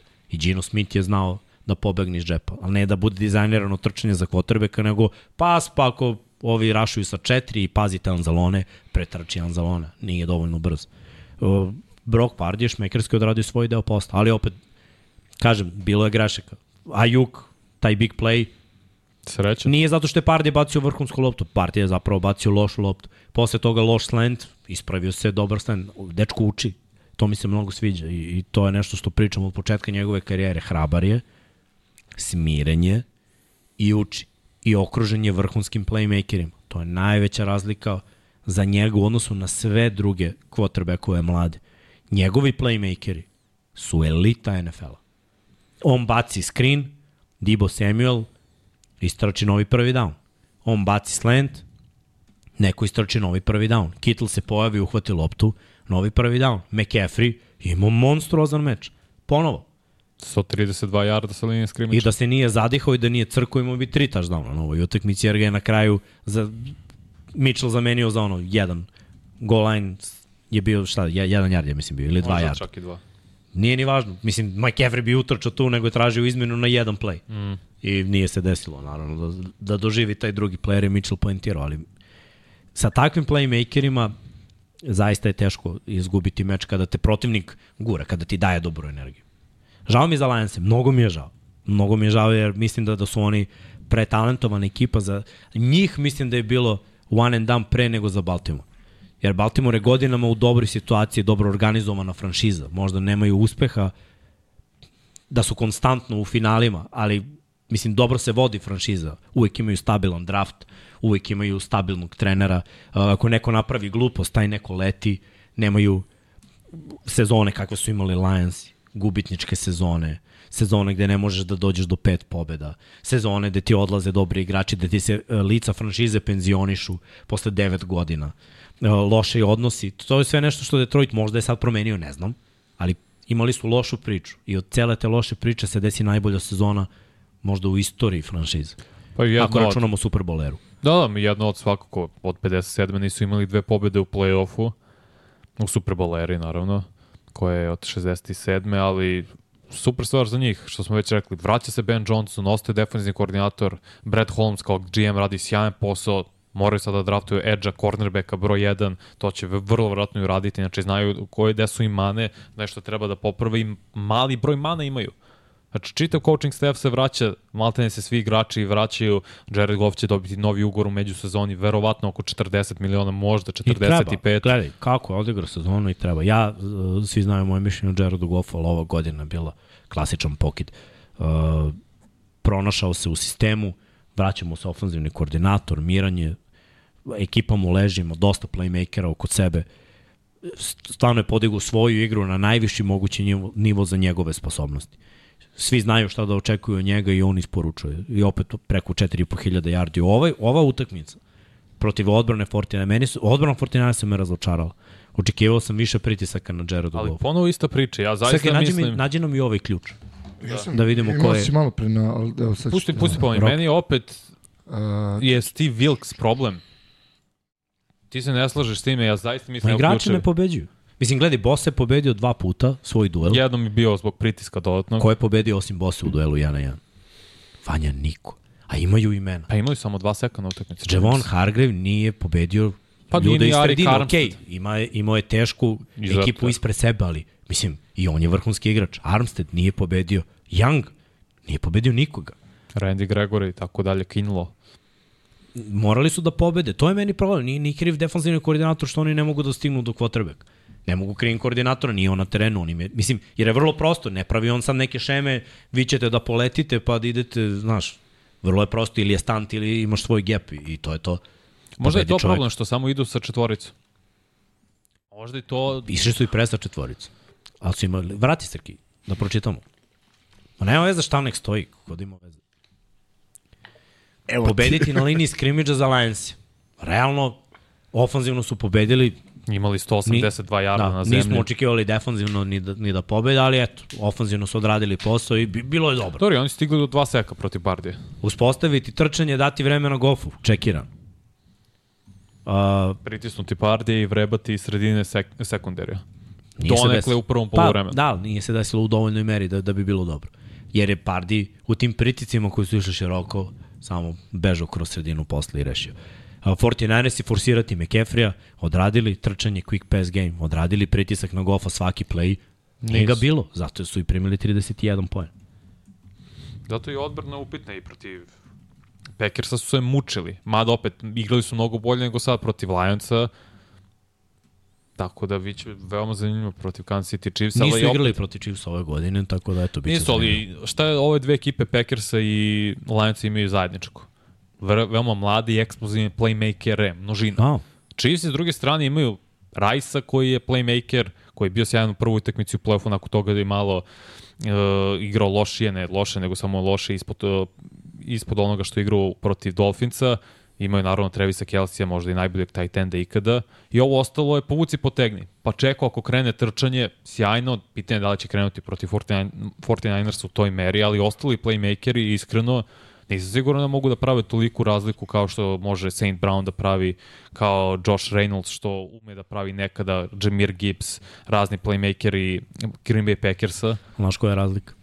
Patrick Mahomes. Patrick Mahomes, četiri igrača u rašu i Mahomes koji ima ceo dan, pa nije bitno da li mu je hvatač Vaske ili ti ili ja. A veruj mi, ta lopta ide gde treba. I gledaj, i da je ne uhvatiš, Mahomes je igrač koji neće imati problema s tim. Biće u fazonu sledeći play, dobiješ istu loptu i uhvati. To je razlika. Uh, nismo videli Parde ovako velikoj utakmici, nismo videli game plan, tako da on, ima načina da pobede jedni i drugi, mislim da je ovo bolja utakmica generalno, jer su Lionsi tek neiskusan tim protiv uh, Mahomesa. Samo da posjetimo, oni jesu dobili Chiefse. Nije igrao Kelsey, najveća razlika. I Chris Jones. i nije igrao Chris Jones koji pravi ogromnu razliku svaki put za Chiefs. I dobili su ih jedan poen razlike i dobili Zbog su ih zbog. Kaderiusa Da, da. Torija, legendice koja sada gleda utakmicu ovako kao i mi. Od kuće. Da, on je Iz loš. topline- iz on je tamo. Lože. Da, Malo bolja situacija. Tako da, ajmo, ajmo na ove naše, na ove naše uh, prognoze, da vidimo Prognoze? kako smo tu Smo prošli. došli najzad od tog momenta. Jesmo. Hoćeš-. Čekaj. Mislim da ću da se radujem. Nažalost. Dobro, neka, neka. Volao bih da se ne radujem. Mislim, raduješ se, ali nije ništa strašno. Ti, Pre ti toga, nisi ajmo ovako. toliki faktor. Nis, kako nisam faktor? What? Kako si? Ajde, sad Jesi prvi? sad- Sačekajmo sačekajmo, tabelu. sačekajmo. Jesi prvi na tabeli? Sačekajmo, Sačekajmo. sad- nisi postao Dom Pablo. Šta? Sačekajmo, A što Dom otkrivaš? Pablo. Šta ovdje pa svi znaju, bre? Jesmo se zezali prošle nelje. Dom Pablo, Don Dom- razvalo, Dom Pablo razvalio. nas pocepao, bre, u Bukvalno. play-off. Za njega mi, za tebe ti mi si On je klasičan on igrač u play-offu, Da. da. Sada da prođem regularni deo sezone, onda ću lagano da vam objasnim kako, kako Dom Pablo je Joe Flacco 2012. bre. Ali dobro, videli smo Kansas Da. City i San Francisco u finalu, finale koje se ponavlja. Da. Imali smo ga već. Zločin kada je. Kansas Bila City dobra došao do prve titule. mnogo bila bolja odbrana. Tad Ciska, ali sad im je bolji napad. Ja sad, ovde je nešto... Jesi spreman? Nešto Jesi, se jesi. šlogiralo. Pera je malo istumbo, ali... Ajde. Pera, je, pera je istumba.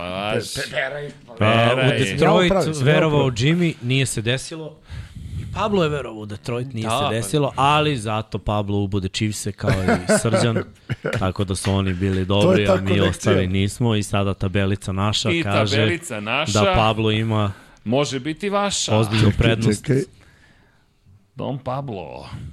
Nije ozbiljna jedna utakmica. Jedno, da, Vanja i ja možemo se povodimo samo u Super Bowl. A on može da isprati.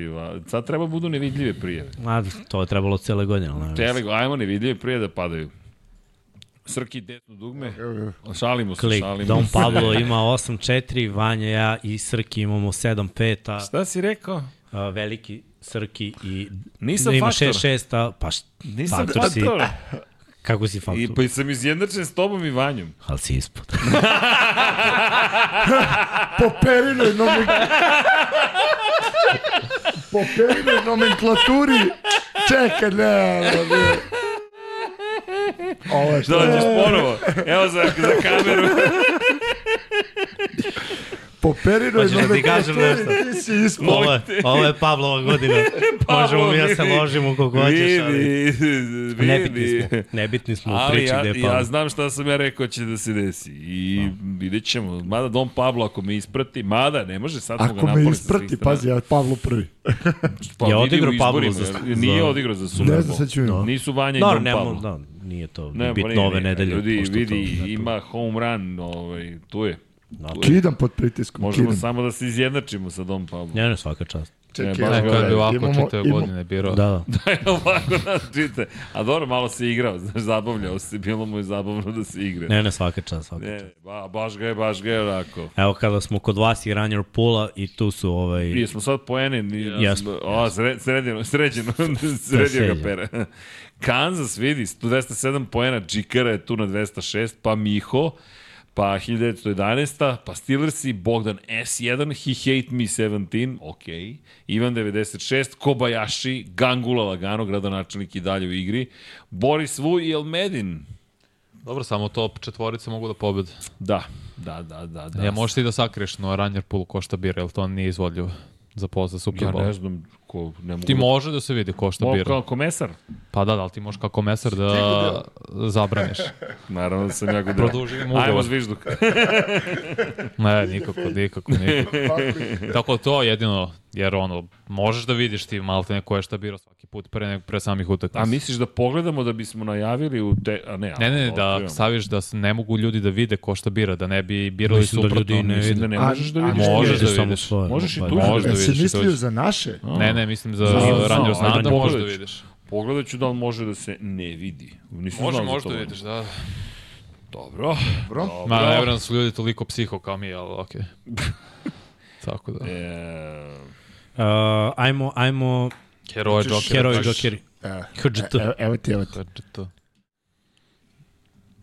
Jimmy- ne, ne, Srki Ne, čita za sigurno Jimmy. neću ja. Ti Sigurno- čitaš, brate, ne, ne, šta? ne, ne, Pa ti si, sigurno ne, ja. mi imamo svoje, ti Da. čitaš za Jimmy. Ne, ne, ne, ne. Pa šta je sigurno, problem? Ne, Pa, ne, pa brate, niko te ne vidi. Nikoga ga ne vidi. Ne znaš da čitaš, dobro, ajde.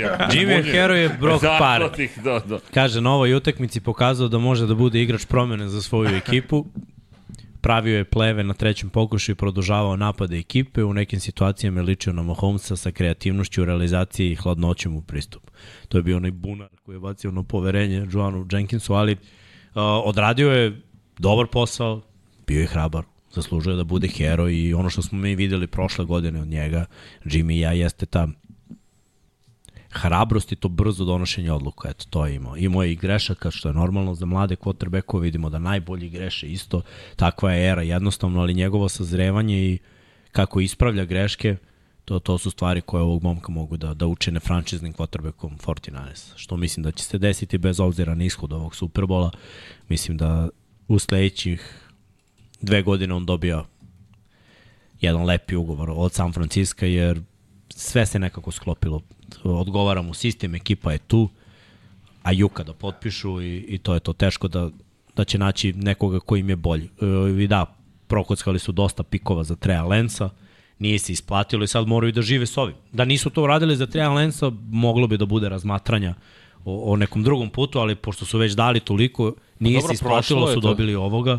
Prošlo to, Okej. oni ove godine imaju svog pika prvi rund. Ne, ne znam da imaju svog pika, nego neće opet da prave rizik za quarterback. Tako da, znaš, to je to, Pardi je tu i on je tu sledeće dve godine sigurno.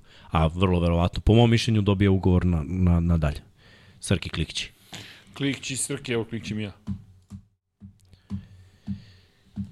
Moj, Christian McCaffrey, 132 jarda sa linije skrimidža uz dva touchdowna, oborio rekord po broju postignutih touchdownova sa 25 u sezoni u istoriji 49ers je na svakoj play utakmici u kojoj je igrao CMC je postigao makar jedan touchdown. Što znači kad je najvažnije, on je najproduktivniji, svaki put pokazuje zašto je, makar ove godine, realno poslednje dve, najbolji running back u NFL-u, jedan od najboljih playmakera. Ispravim ako grešim. On samo jednu tekmu nije dao touchdown. Od kad je u... Ne, ove godine. Ne, mislim da je bilo dve. Mislim da je nije bilo igrao dve. poslednji. To se Ne, ne, ne, računa. ne, ne računam to. Mislim da je bilo dve na kraju. Ni bilo ono jedno Nema kad je prekinut niz od 17 Da, i mislim da je bilo nakon toga još jedna utakmica. Što Neki stvarno dve, nerealno. neki dve. Bolesno. Tako Svaka da. čast. Jeste, Svaka fenomenalno. čast. Mislim da bi stvarno on i Lamar iskreno trebali da podele MVP nagradu. To se nije desilo od 95. godine od Favra i Emita Smitha, ali zaista sumnjam da će tako biti. Ne, brutalna sezona za, za McCaffrey. Ajmo dalje, Srki. Uh, moj heroj nedelje je Travis Kelsey, 12 puta je bio meta, imao je 12 hvatanja, jedno je bilo unazad, ali je opet hvatanje koje se računa kao trčanje. 121 yard skrimidža uz touchdown. U Superbolu gledamo rekordera po broju hvatanja u istoriji NFL-a u, u play-offu i ako želite da pobedite Chiefs, morate da usporite ovog čoveka. Zaista je bio nerealan i cela godina je bila malo sporija za njega i njegove standarde, jer standardi za Travisa Kelsija su 1200-1300 yardi po sezoni. A da nema 1000, to je onako loša sezona za Travisa Kelsija. Malo mu falilo za Znam da mu je malo 17 falilo. yardi. Znam, ali nije 1000 yardi. Nije. I to je za njega, mislim, loša sezona, ali zato u play-offu, u svakoj utakmici, pre svega sad ove protiv Billsa i sad protiv Ravensa, dominacija, svaka čast i to je to. Uh, Ja sam već posle tri godine rekao da je on meni najbolji tight end u NFL-u i dalje verujem u to, nije najkompletniji, ali radi posao onako kako treba. U ovom sistemu sa uh, ovim trenerom, sa ovim quarterbackom radi stvari onako idealno kako bi trebalo da radi. Zato je Travis Kelce heroj, ne samo za ovu nedelju, meni je za ovu nedelju, ali za Chiefs, za njihovu franšizu, dokle god on bude igrao, kada se on bude penzionisao, totalno će biti druga priča. Ali ako uspori u regularnom delu, a čuva se za play-off, može ovo da potraje još nekoliko godina na visokom nivou za Chiefs, što je zastrašujuće. Da li to što ti iza glave? Slučajnost? Da, tu je Travis Kelce. Legenda, bre, legenda. Čovek je promenio unapredio igranje pozicije tight enda. Preus, Unapredio, Skolski to je bolje. Da, gledaj, pre, preusmeruje igrača na blokovima i, i tako ih odradi, odradi blokove, ali način na koji trči rute i to, mislim, ceo sklop što je bio kvotrebek, kako, kako što je igrao košarku, kako se snalazi, kakve poteze ima, koliko je neuhvatljiv i opet koliko je visok koliko zna da se zagradi, da On je ono dobije meni loptu. Grunkovski 2.0. A nije, Gronk Nije. je mnogo bolji blokir. Gronk- meni je više Gronk Kittle drugi- mi vuče na drugi. to ili Mark Andrews. Ne čak. pričamo u istoriji NFL-u, trenutno NFL-u boljeg nema. Ali nije, nije ni blizu komplet, kompletan, ali radi posao. Radi posao na drugi način. Radi posao na svoj način. Više ti je kao Tony Gonzalez, ako ćemo tako porediti. Antoni Gates nije. Gates je blokirao. Gates je blokirao. Gates je mnogo manje bio pokretljiv, Da, da, ali je znao da, isto zbog košarke da se otvori u prostoru. Jer, jer je razumeo sve koncepte, ali Da, da, da. da. Kelsey je, mno, ljudi, ovaj Kelsey da uhvati loptu, setite se onih preletanja preko igrača, preskakanja. Uh, četiri puta je dodao Da ima loptu. osjećaj gde će da padne. Znam, ali čoveče. četiri puta je dodao loptu nazad. Vidi kakav je on playmaker. On je bivši quarterback koji je dovoljno krupan kao tight end, jaki, pokretljiva, brz. Ba, baš, je, baš je jedinstven, znaš. Baš je jedinstven. Verba. Trčanje rute je elitno, zato sam ga rekao više kao Tony Gonzalez, me podsjeća jer je nivo trčanja rute veoma sličan njih, dvoj, njima, njih dvojica. Mhm. Hoćemo Srki. dalje. Ja nemam grafiku, kasnio sam, imao sam. Bu! Ali šta smo nabavili? Šta smo sredili? A, Znaš kako Jao je... jedno iznenađenje. Zao, za prostor, jao. Pa, Znaš kakva da. higijena. A, preozbiljna Na to situacija. mislio. Na to tome sam, sam na to- došao. A, imamo novu mašinu, znači treba nam e, inženjer mašinstva da bismo Operator. upudili. Za malo da usisamo Ne, ne. prostor. O- Bukvalno. Kino operator čovjek vidio prodate Ne, dve karte i moji otišao roditelji kući. su uh, pre jedno 5-6 godina u želji da tako modernizuju svoj ambijent kućni, kupili Kirby, onaj industrijski na sveopšte zapanjenje mog brata i mene, pošto to košta, jel te, preko dve i nešto hiljade eura i nije potreban u stanu koji ima 70 kvadrata dvoma penzionerima koji ne mogu dignuti tih 40 kg da ga upotrebe. Ali su oni svejedno rešili da to kupe, jel te? I mi smo rešili sada, pošto se koristi jednom možda godišnje, rekao, mama, imam ponudu koju ne možeš da odbiješ, da podržiš Infinity Lighthouse i da, A da, a da ne budeš. Patreon. a da ne budeš Patreon. Ali će se pronađe tvoje ime u knjizi. Ali će se, tako je Vanja, bravo, ide tvoje ima mamino knjigu, ime u knjigu. Mama Kirby. E, ka- kad smo već kod mama Nadežde, Mama Srkijeve Nadežda, Marije, ja bih da, da, se da. zahvalim, ja sam dobio danas od mame Srkijeve šolje. Nisu svi a? dobili, nemoj sad Srki. Ne. Šta ga briga, on je počeo. on je dobio. Ne, danas je Srki, Ja- Srki, Evo svoj Srki. kadar i ja sad mogu da pokažem Da, da, da, od da, mame. mama možda u četu da pomogne. Ne, Srki nam je nešto pomogao porodično, tako da hvala Srki, veliki srce. Inače, anegdota iz taksija. Naravno da je zna i taksistu, i taksistinog brata, i rođaka koji živi, sa ta, koji poznaje taksistinog sina i devojku od taksistinog naj, sina najboljeg druga, koji ga zna zato što su se čuli jutro su devet, a oni su za... Čovjek ušao u taksi, kaže, ok, ceo grad ga poznaje. Srki, Srki veliko srce. To Šta će biti. šta Srke, ja ne znam kako mi nismo stigli do Rodgera Goodella do sada, pošto ti toliko ljudi to. Bukvalno, poznaješ. ja sam u fazonu, mu kažeš nešto, a, to mi je drugarica. A, Da. to mi je drugar. Teretana, A, pa to- Da, teretana, i svi ga znaju iz teretane. Pazi, Spava tamo. pa, Bukvalno. pazi, polako da, da savladamo još jednu prepreku da dođe neko da ovaj da pokrije ovaj i imaćemo i do Rodgera Godela prosto. Nešto da pok... Pa, ba, ne, ne smijem da kažem E, sad, ne smijem da kažem sad pa se malo upetlju u Ne znaš sopstvene priču o reči. Kevinu Baconu, da svaki, da svi smo mi preko šest konekcija povezani sa znaš, Kevinom ceo- Baconom. S tobom su sa tri veze povezani ili direktno, Ja sam kao sa na LinkedInu, ono, prva zove? konekcija Srki Veliki, Da, da. Nexus sveta celog.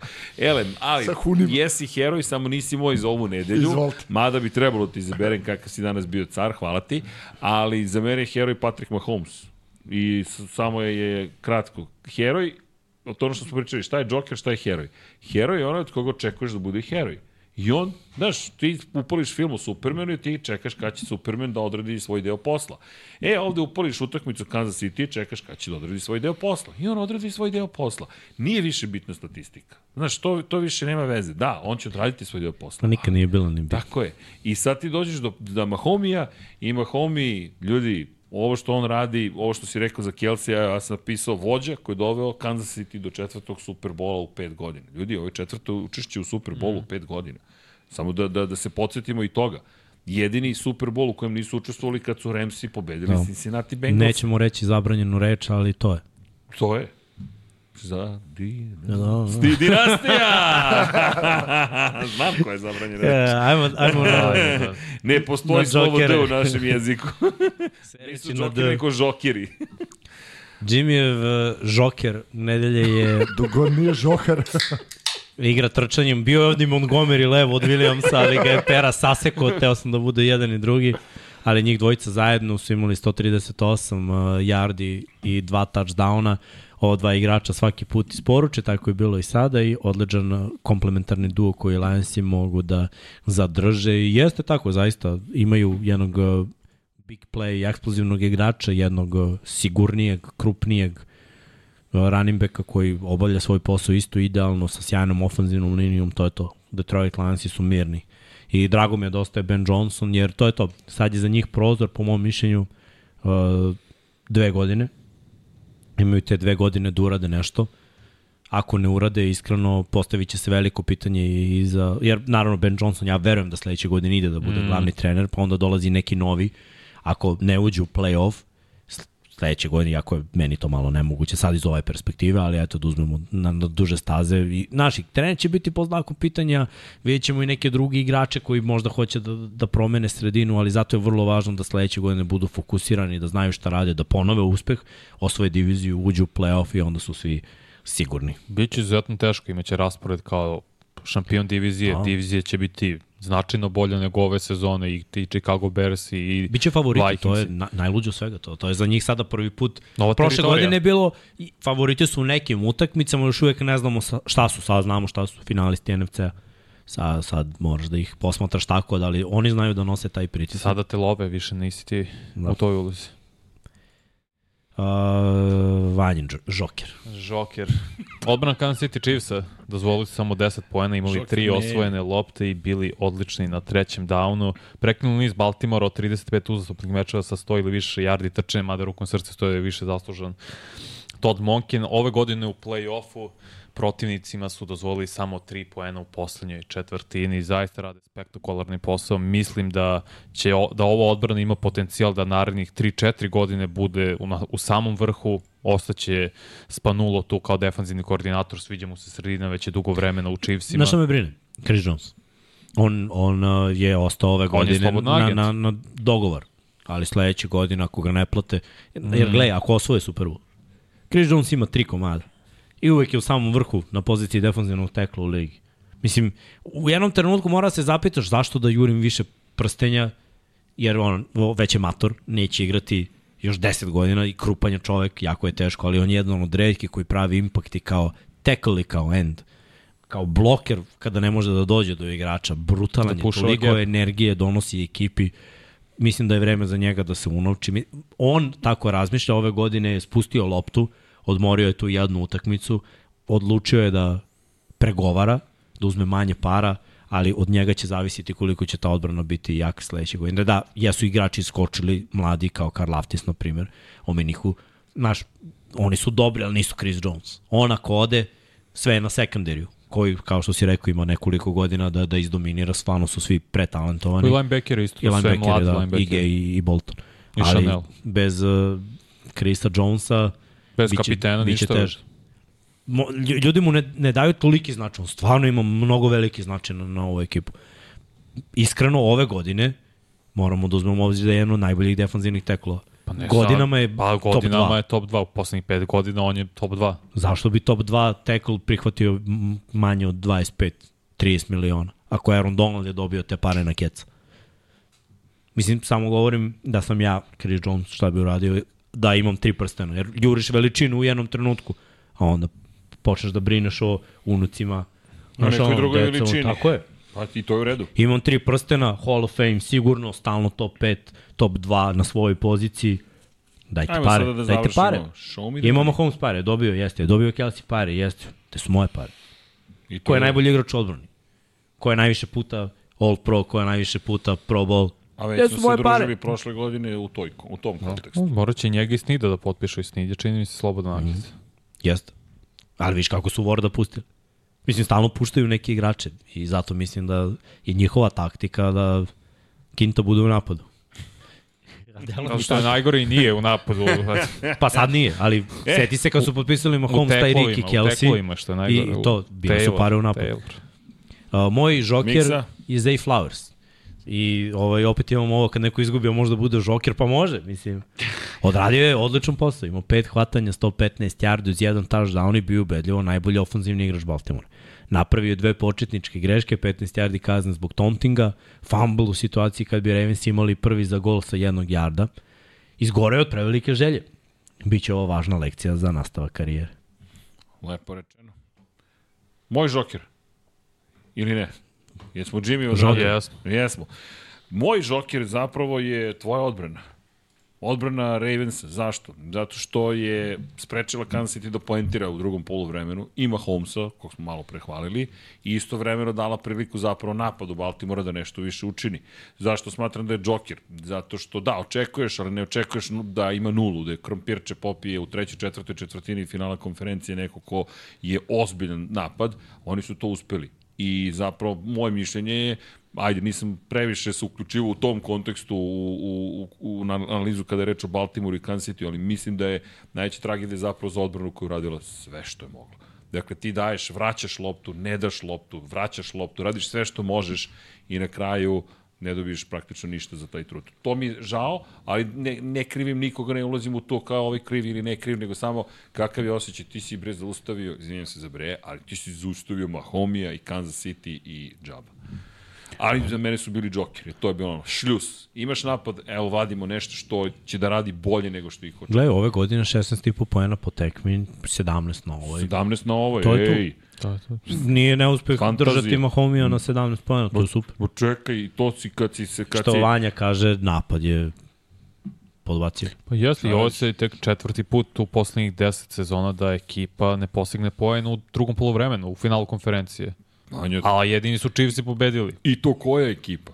Ekipa da. koja Ali ide dešava ka im se. slovu D. Dešava im se Dešava im se. Ove godine se dešavali, baš je re, redko slučaj. Si Viking, Vikings ima se desilo 49ersima prošle godine, pre 10 godina Coltsima, ali oni su izgubili. Da, Bili su otrešeni. ali Uglavnom, o, to je balans kad imaš napad i odbranu. zato I pouzdanu se, kikera. mi ovo, zato, zato mi je odbrana Baltimora džokerica za, za ovu Dobro, nekome i I opet tragično. izgubila, ali nekom je tragično. Tebi, Ajmo se, ne, ne, što Nije, ne. nije, nije. Brate, meni, ko, im, ko bi bio Tragičari, Jimmy. Dobro, nije odbrana, nego Nije od- da. Ravensi kao Aha, franši... Ali dobro, rekao je da nisu imali dobar ni ofanzivni ni defanzivni plan. Ofanzivno nisu ostali dosledni svom identitetu igri. Trčanjem defanzivno su bili jednodimenzionalni uplašeni Mahomesa bez pritiska blica u prvom poluvremenu. jeste prvom poluvremenu. U prvom poluvremenu, poluvremenu, tako da. je. Drugo poluvreme je bio odličan game plan i mislim, rezultat govori, ali da, tragedija je kad te neko izvoza 26 Jeste. akcija. Drive u 16 akcija, bre, to ne viđamo često, ali to je vrh, to, to ti je... Poka... To najviše boli. Znaš šta manje boli? Šta? Ono, big play, pop, pop, touchdown.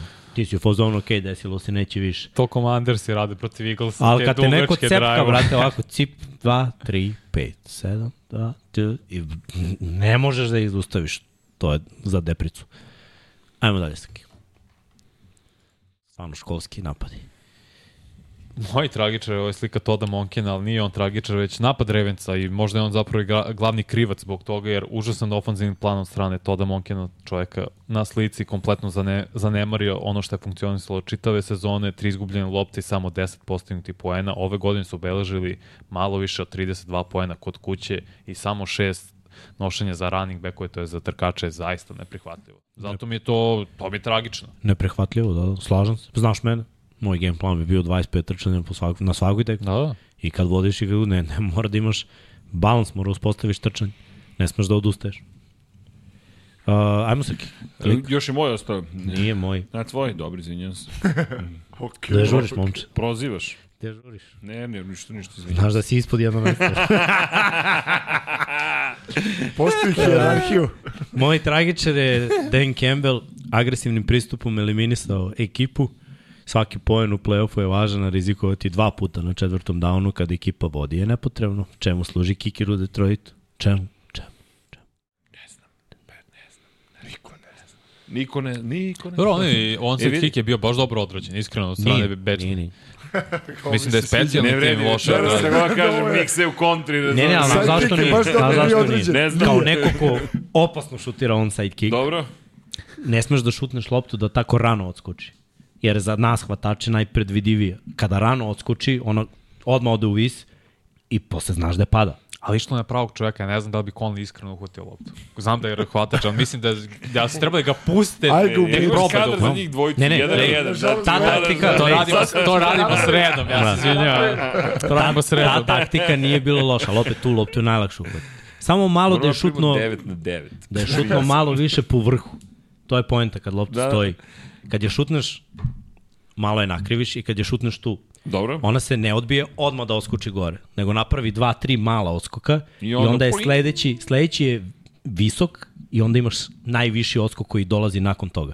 Taj oskok je totalno nepredvidiv i ljudi uh, koji su u prvoj liniji hands tima, zadatak hands tima prve linije je da ne diraju loptu. Osim ako je lopta ne ide i predvidiva je njima da uhvate. Njihov zadatak je da blokiraju, da neko iz druge linije dođe i da on uhvati loptu. E sad, toliko si u nedoumici kad lopta, taj prvi odskok, bude na nekih 7-8 yardi i tad lopta oskoči visoko. I ti sad padaš da li da je hvatam, da li da blokiram. U toj nedoumici kad uhvatiš igrača, a odbrana si, tu ti je najbolja šansa da, da osvojiš na onside kicku. Šta bi bilo bolje? Da ovaj momak nije ni pružao ruke da hvata, nego da je ocepio Conlija, to je trebalo da uradi. Nije on Ne- pružao ruke da uhvati, on je nesvesno zakačio loptu. On je krenuo Nije. ka napred, uopšte nije Teo je vidio da loptu. uhvati loptu. Verujem, to je greška. Pružio ruke kao, znaš, ne, nije trebalo ruke uopšte budu u kadru. Treba ga pustiti da Trebao je još jedan korak da napravi, da sačeka da Conlija lopta takne. Tako i da ga I da razvali. ga razvali po grudima. Znači da, da ga polomi, lopta ide u rikošet i onda čija je. To je druga priča.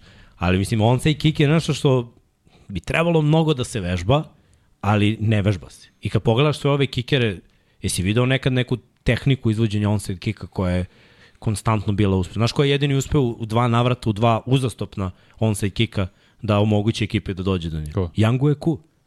Jer ima drugu tehniku. Ovo što oni rade, ovaj lob ili šut, da lopta odmah odskoči gore. Ili ne stigne do 10, ili je toliko predvidiva za, hvatanje. Moraju malo da porade, ali kapiram da ekipe redko kad izvode taj on se kike da se to i ne vežba toliko. Ali trebalo bi. To je majstorstvo. Mislim da na koleđu zapravo kikiri bolje šutiraju taj onside kick nego ovako. Jer su egal više utakmice. I tu sam vidio neke futbalere, kikere, koji rade dobar posao, koji znaju da šutnu loptu. Takođe, jedan od glupavih načina po meni, nikad nisam vidio da se tako, kada polože loptu dole, ovako da stoji. Da, kad pokušaju I kad je da tako uhvate. šutno da, da ona tako ide, isto predvidivo lako za hvatanje. Jesam sad ja na redu. Yes. E sad. Mogu ja sad, mogu mogu, ja ja, sad. mogu ja sad. A sad malo ona. Tom puštamo tom filmove. pa, pa zar nije? Zar nije Ide tako? ton film. E, za mene je Zay, gospodin Zay Flowers. Vidi, znaš zašto? Ipak je na kraju kad pogledaš tragičar, ali kakav tragičar? Nije mi tragičar na nivou, on je krivac za nešto. Ne, nije krivac. Ali mislim da, se, da je tragičar zato što je na njega palo otprilike, e da nije ovo, e da nije ono. I to je tragedija cele priče. on je, Budeš- brate, dečko prvi put bio u depri. On je uvek ono nasmejani da, sav. da. Brate, suze. Suze, suze. Suza suzu stiže. Zato ti znači, kažem, meni je baš tragičar. Bilo mi ga i žao malo. Pa, znaš kako, kad pogledaš celu situaciju sa njim, da ti odigraš tako dobru utakmicu, da sve uradiš kako treba i onda kreneš, ja, i mislim da si ti lepo rekao, mislim da on pokušao da kompenzuje za grešku koju je napravio. I da nije bilo one greške gde je, gde je provocirao i, do, i, i koštao ekipu 15 yardi, mislim da ne bi ni pokušavao toliko da dođe baš i istog momenta do nekog tako velikog rezultata, do, do takvog uspeha. Ne znam. Ne znam, to je samo pretpostavka. znaš, play, Vidi. playmakeri vole da pružaju ruke. Vole, ali, Ali opet ja kažem, coaching, tako mi deluje. coaching Baltimora je takav da se to slažem podržava. S tvojom analizom. Je, znaš, Je, ok, ok, ali pazi isto imaš tako. trenere, imaš trenere koji to ne vole. I Moguće. trenere koje teraju igrače da ne pružaju ruke. Znam, ali čekaj sad. Ono što si, ma hoću te pohvalim već dva puta, ne, ne daš ni, ni da se hvališ. Ne Nemaš vredi, znači danas. kontri je danas, sine, nećete Ja. me prevariti. Nije, pa što, ništa ne, ne, rekao. hoću da ti kažem, ti si lepo rekao da ti deluje da je možda Da, vođen jeste. time.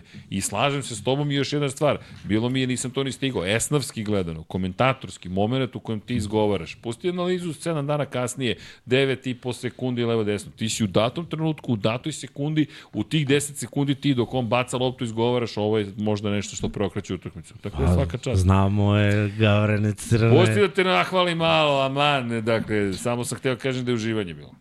Ajde, ajde, evo, pitam vas, Kako biste u toj situaciji? Znaš koliko je to teško? Prokomentarisao. Ne, nego gurnuli ruke napred ili držao loptu. Dobro, A viš šta je ne, karma? to, ne, ne, pričam on je ti o gurnuo, onome momentu on je gurnuo, sam- on je Ja gurnuo. sam se bacio na Mahomija i Kelsija kad si, kad si spominjao, ne analiza. Da. Gde ti, Be- ali to, šta bih uradio? Pa, kao klinac bih pružio ruke. Pa, Garantovano. on je klinac. To je to, klinac je. "E, Ja donosi, ja idem u Super Bowl. A viš šta je karma? Pa Gurnuo je. Snida i Snid ga na penali. Ali Snid, ga je, Da. Snid je sjajno reagovao, nije se on odbio od zemlju, izgubio, Snid ne, ne, je ne, ne, imao ne. sjajan potez. Samo što ono, pružao je ruke u U neko vatru. U neko šar. Zanimljivo, stvarno. Imao sam samo jednom tu situaciju. Ali sam držao loptu ovde pa sam se bacio. E, Realno gledano i tako možeš da uđeš u end zonu, ali kapiram Možeš, šta je hteo. Teo je da pruži. Falilo je bukvalno jard. Da je, da je jedan jard još preš. Manje od jednog jarda, tipa dve, dve i po stope. Tu da je dotaklo bilo bi svašta. Ali ovako.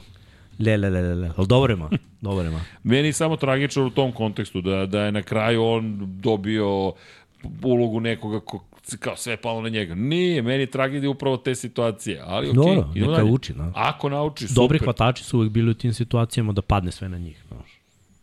Ili kikiri, ako ih pustiš Moraš, da šut. moraš da odradiš posao, nije se desilo sad, izađi veći. Znaš, Ili kikiri. budi bolji. Nisi uspeo prvi put. Ako te puste da šutiš. Dobro, dobro, ako te puste. Uh, idemo najava sledeće kola. pa, pa, pa. Uh, pitanje i odgovor, ja? Pa da. Eto. Pitajte. Nema puno tema. Narod Pro pita. Bowl je bio sinoć Skills Challenge, makar bilo je drugačije prenositi Nisam to, komentarisati iskreno. Ali šta je bilo ove nedelje, još senior week, ovaj za college igrače je ono u punom jeku, dosta zanimljivih stvari je moglo da se vidi. I bilo zaista uživanje gledati određene hvatače, pre svega Leda Mekonkija, Romana Wilsona, Rikija uh, Persela sa Floride koji baš ti vidiš da će biti pikovi druge, treće runde, ali prave tako dobru separaciju, to je to neverovatno. Uvek su bili slobodni protiv bilo kog cornerbacka.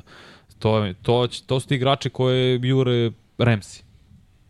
Ekipa kao što su Remsi, to će znati da iskoriste, makar bili pikovi treće runde, to je nevažno, oni mogu pravi separaciju kad god. Baš ti poslati snimke da proceniš i sam. Šibni. Stvarno su bili odlični. Njemo, klasa, klase hvatača u posljednjih 7-8 godina, to je spremno za NFL, to, Mhm. to se vidi. Pozicije, je izjednačio sa, sa NFL-om u- u ofanzivnoj šemi, to, to je u stvari najvažnije od svega. Nekad je bio potpuno drugi napad u NFL-u i u koleđu, sad su slični i jednako brzi, akcije su takođe jednako atraktivne i onda individualno se najviše i najlakše usavršiš kao hvatač, ako si brutalan atleta Evo i running back isto.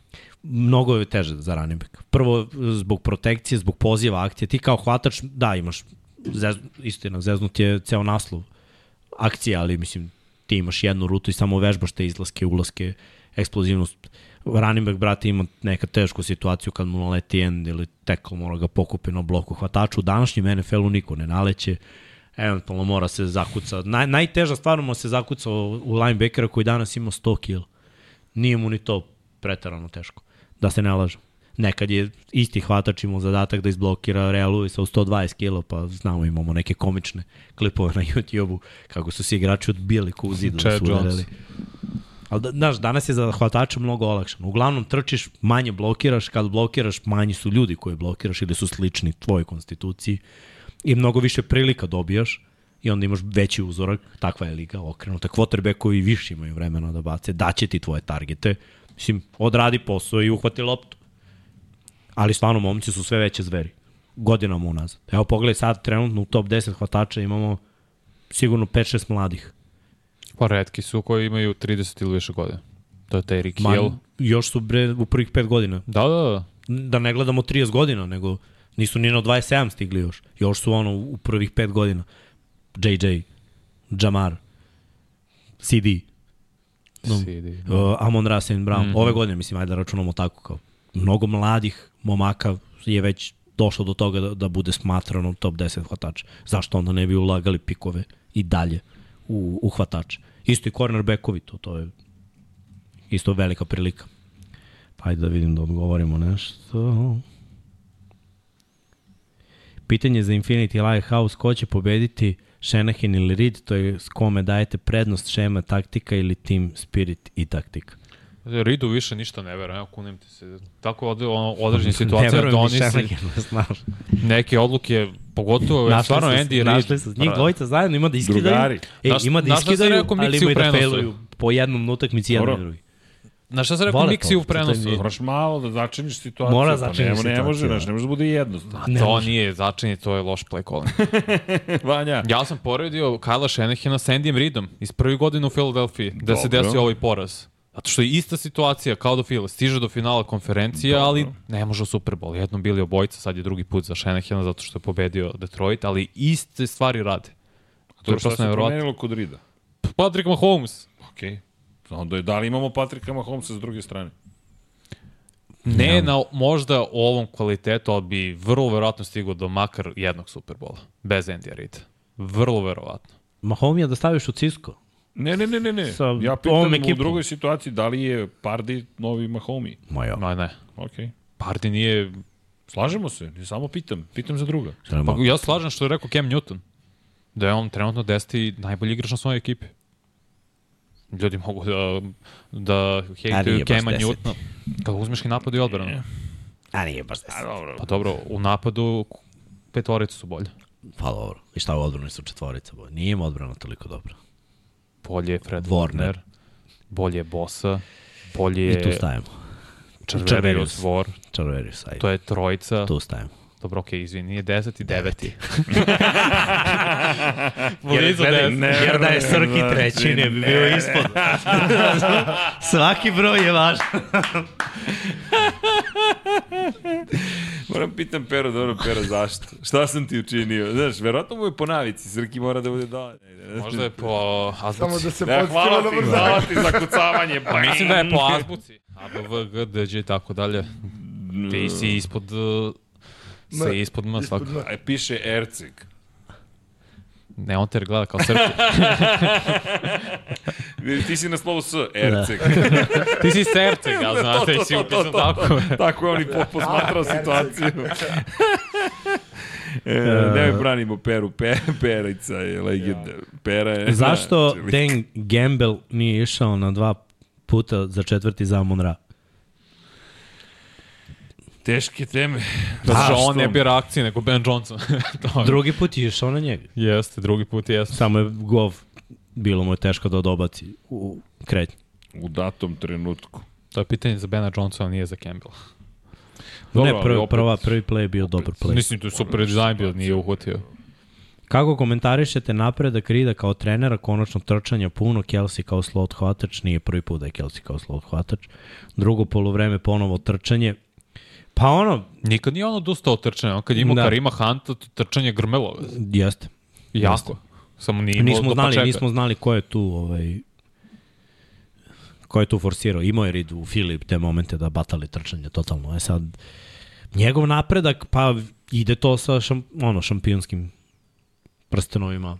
Dobro. Iskustvo. Moraš, da, druge, znaš, nije, kada juriš, možda želiš previše pa doneseš, ali kad si već sigurno i osvajao, ta neka sigurnost koju on ima, ali opet ima diskutabilne poteze. I, uh, znaš šta, nisu to loše odluke trenerske, samo igrače koje on bira, jer mnogo veruje svim igračima. To je ono što Endija stavlja u situaciju da, da se mi zapitamo par puta. Jer njemu, na primjer, Mikol Harman na reversu protiv Billsa pravi fumble, on isti play zove u goal line situacija, pa čeko kida u goal line-u. Zašto? Eto, to mi je samo. Nije ono lo, loša odluka toliko, da, prošao bi možda reverse. Ali Hardman je mršav i brz i neće ući u tri igrača jako, a Pačeko će ući u petoricu jako ide ti trčanje. Za, zašto ta odluka? Eto, to mi je, na primjer, pitanje. Za ovu utakmicu četvrti za jedan, ok, imalo je rezona, ja bih samo to igrao iz druge formacije, jer u ovoj formaciji mi nije delovalo kao da je baš idealno, Ravensi su odradili posao defanzivno, ali opet, zašto ne tri poena kada vidiš da se taj protivnički napad muči, da si ih totalno ubacio u neku lošu, zašto im vraćaš moment? To su te neke stvari koje su mi uvijek bile sumnje. I svake godine ih ima. Isto uh, protiv Bengalsa, kad su Bengalsi ušli u Super Bowl, zašto ne šutneš tri, nego ideš dodavanje unazad za taj Rika Hila? Ako već hoćeš da, da baciš loptu, a moguće za 4 sekunde jedna akcija, brzi pas u end zonu, nekompletan, ostane ti sekund, šutni. Uvijek ima Andy te neke situacije. Što kaže Srki, voli da ga začini. Onako, Malo, mora malo da, maš, mora malo da bude. Da, i to iz visine. Sreće pa ima Mahomesa koji sve izvlače. Ima, da. Svaka čast. Ali opet, mislim, od, to su najbolji treneri u ligi, oni i Šenahi. Mm -hmm. I eto, sada Andy polako ali sigurno dolazi do svog prstenja. Ako sad dođe do trećeg, mislim, ubacuje sebe u konverzaciju za jednog od najvećih svih vremena. To su tri komada. I koliko samo puta je bio u finalu konferencije u Superbolu. Ovo će biti četvrti put sa Chiefsima, bio i sa Philom. 11 Isto, puta je igrao finale konferencije. a Ili u Superbolu pet puta. Tako je, da. I kao ofenzivni koordinator u Green Bayu isto imao Sa Brettom sa Favre. Da. Tako da, to je vrhunski coach. Uvek, na, naravno, mi sad odidemo u sitno trevcu, uvek može bolje. Ali, mislim, i lepo je što veruje toliko igrača. Eto, veruje u Kaderiju, sad je na vreme shvatio da ne treba verovati. Nakon što ga je koštao Vidiš? samo dve utakmice. Napredovo je, upravo si. Ko što da. Ali reci kako ga je samo, dao mu je šansu i samo sk, nemoj. To je iz Kai Mura isto kompletno. Dobro, zapravo Mura je povređen ovaj igrač. Ali i da. famblovo i pravio greške. Jeste. Je ali je, Sjeti se je- prošle je godine kad je krenuo da vraća punt posle dva fambla, šta je uradio? Sklonio ga. Nije mu dao više da vraća pantove. Tako da ono, veruje igračima do određene mere. Sad mene zanima, Hardmana nismo videli protiv Baltimora, da li je, iz, da li je Hardman ispucao sve svoje kredite. Vidjet ćemo protiv Ciska. Odbrana Dallasa bez Dana Quina. Ja mislim da će biti baš problem. I fali i defanzivni tackle, i tu treba draftuje, fali Mike Linebacker, to je najveći problem za Cowboys-e, cornerbackovi, vraća se Diggs, ne znam, ne verujem da će toliko nedostajati Stefan Gilmore koji je već sada u ozbiljnim igračkim godinama, ali bez Dana Campbella, parom, bez Dana Quina i njegove zamisli bit će veliki problem i nazadovat će sledeće godine sigurno. Neće to biti opet odbrana sa velikim brojem osvojenih lopti i tako dalje. Baš me zanima ko će naslediti. Možda će ovaj što je trener defensivnih bekova, čini mi se se zove, da se preziva Harris, što je bio bivši Jeste. igrač. Mislim da će on Correct. potencijalno biti defensivni koordinator jer se sjajno slaže sa igračima, ima dobru razvijenu hemiju s njima, njega slušaju, tako da mislim da će on naslediti Dana Quinn. Da. No nije bilo idealno, mislim, ni za Queenom. Njegova odbrana je bazirana na tome da vrši pritisak na dodavanjima i osvaja lopti. To, to rade vrhunski. Ali ovaj, trebalo bi neko malo da se treba im linebacker da se postaraju za, za run stop. Mm. To ako urade, pomoći će mnogo. Imamo pitanje kako vidite off-season file. Imaju 40 milki u kepu, može to otići do 60. Pa evo, prvo, prošle godine sam ja još pričao sa Jimmy i sa drugarom koji isto navija za filu. E, u mojoj glavi bilo je najpametnije potpisati Garner Johnsona, razići se sa Slayem i Bradburyem. Oni su odradili drugu stvar, sad očekujem da isprave svoje greške. Veterani, cornerbackovi, ne pije to, to, to bih promenio. Isto ovaj, izgubili su zbog tih poteza i TJ Edwardsa, to im je bila mm. velika greška. Bolje da su njega zadržali Pa i i igrali sa mladim cornerbackovima. izgubili. Dobro, ali Ha- Hargreva su kompenzovali jer su birali godinama dobro Da. u defanzivnoj liniji. Tako da ono, imaju dobru ekipu, ako ostane i Kelsey, to je i dalje isti tim. Mislim da je najveća promena za njih zapravo promena stručnog kadra i to može da donese dobre stvari za, za Phil. Uh, kaže la Shanahinu, veruješ Choker, žešći je isto isto priča. On isto veruje igračima, ali ajde ovako, njemu u odbranu nikada nije imao Mahomija. Imao je Meta Ryana koji je jednako pokretljiv kao Jimmy Garoppolo. Da, Meta Ryan je bio Ako ne i manje. Ali ajde da uzmemo jednu stvar u obzir. Pa, oko Mete Rana uvek su neki playmakeri koji nisu quarterbackovi imali brutalne godine. Julio je dominirao. Devonte Freeman imao brutalnu sezonu.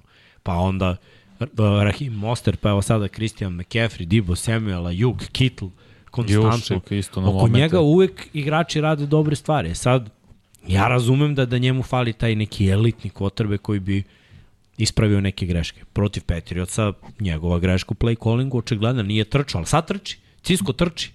I, i ne odustaje od trčanja osim ako nije veliki rezultatski deficit, što mislim ima smisla, nećeš kad gubiš 20 razlike da trčiš, nego ideš na dodavanje. Ali mislim da njemu fali ovakav jedan running back u San Francisco, neko u kog može da se uzda. Komplet. Ne kažem da verujem više u njega, ja najviše verujem u Mahomes. Mislim da, da, da su igrači ovde bitniji od trenera na, na obe strane. Mislim da će na kraju to presuditi. Playmakeri. Kelsey, Mahomes, defanzivni bekovi ovamo ili rush 49-esa, front 7 49-esa i hvatačke opcije je Brock Party. To, to je u stvari duel. Ali razmislit ću dobro u ključevima za sledeću nedelju. Ali da, imao Shanahan svoj moment. Mislim, da se ne lažemo, u tom Superbolu koji su igrali 2019. protiv Chiefsa, Garoppolo je ozbiljno promašio post za Sandersa, Mm, koji je bio za touchdown. I to je greška quarterback. Jer post je najlakše baciti. Post, ono, ruta kroz sredinu, dobra protekcija, uđeš u džep i ne smeš da prebaciš. Da je podbacio, da je bio pritisak, pa je ajde, ali nije bio pritisak i prebacio je rutu. To baš nije smelo da se desi. I naravno, odbrana zagrezla onaj corner, post corner. Terry Hill. Da vidimo, da vidimo, da vidimo, da vidimo. Kažu ljudi baš hejtuju Cam zbog toga. A dobro, Cam svašta priča. Pa dobro, nije bez osnove, ne priča čovjek tek tako, meni im problem što hejtuju Nije- i kažu šta si tu. ti uradio u svojoj karijeri, kako to vezimo, šta je on uradio Šta bio? MVP, brate? Pa ne, ne, znam da, nego kakav je tvoj kontraargument i napadaš nekog šta je on uradio, što se nije bacio po loptu u Superbolu. Trebalo da se baci po loptu, nema To nema sa ovim nikakve veze sa ovim što priča, to je čitava poenta. Ne, ne, Cam, Cam je bio brutalan igrač dok nije pukao u glavi, to je. I kažem, ima diskut, ovo nije izjava netačna, ima boljih igrača od Paradi, ali ima neke stavove koji su zanimljivi. Ali ja sam volao Kema kao igrač. Ki- Super Kem u onim momentima, brate. Je bio Von. Miller Samo, imao najbolje kopačke ved. A, Kem se nikad nije, nije, nije se nikad unapredio to. U jednom trenutku je zakucao ovaj svoj limit i tu je ostao i posle krenuo na dole. To, to, to je najveći problem za A, njega. posle povreda ramena. E, Sećaš U ruke. kopačke? onoj MVP sezoni on uopšte nije bio elitni dodavač. Da, Zapravo nije, ali je- nikad nije imao ni elitne opcije. Imao Stiva. Pa dobro, nije tada Steve bio, da kažeš, top Kako 10 nije? hvatač. Kad je bio MVP lige, Cam Newton. Ne, ne, ne, ne. Ne, ne tad, pitao- tad nije ni bio u ekipi. Da, Bio znam, je došao godinu dana ranije. Ali u prvoj godini, na primjer drugoj, trećoj, je Stevie bio ubica, Cam je bio sledeće godine ćemo. To je Stevie je izludilo, zato je otišao. Bio je razdor u, u slačionici.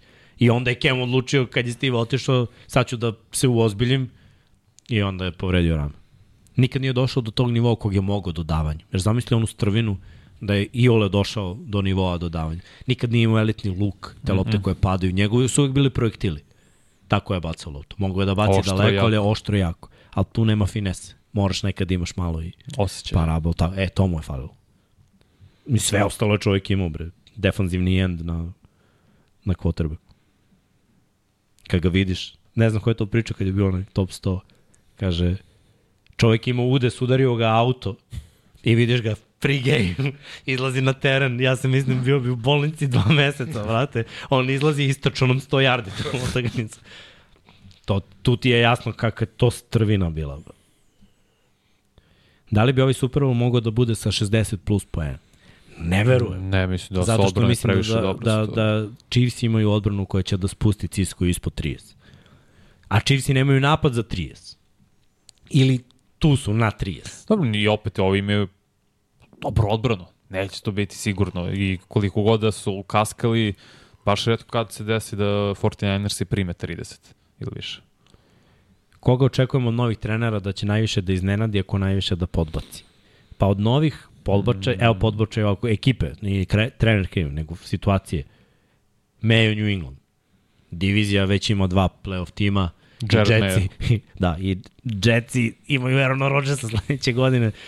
Ne, Patriots se ne vidim u top 3 u diviziji. Znači, to je već fail sam po sebi. Nije kriv trener, ostavljen je u situaciji gde nema kvotrebeka, Draftuju, treći pika na draftu imaju 70 miliona šta će birati, šta će se desiti, kako će sklopiti roster, šta god, ne verujem da mogu da dođu do prva tri u svojoj diviziji. A samim tim znači da si jedan od najgorih u AFC-u. AFC je još krcati, ekipe su se pojačale, neke druge ekipe imaju šanse da uđu u play-off.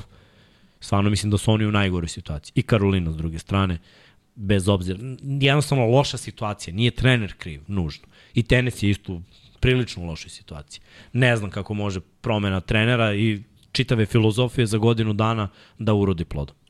To su meni failovi. Ako bi mogao da iznenadi, Pa iskreno, mislim da Rahim Morris može baš prijatno da iznenadi puno u Atlanti. otvorena divizija. Jeste, mislim da će se raditi pitanje quarterbacka i Mike McDonald ima sjajnu stvar. Mike Milone ima do, dobru stvar. I mislim da će odbrana Seahawksa ponovo biti top 10 u ligi sledeće godine. Imaju playmakere. Treba im, pored ma, Boja Mafeja, još jedan edge rusher.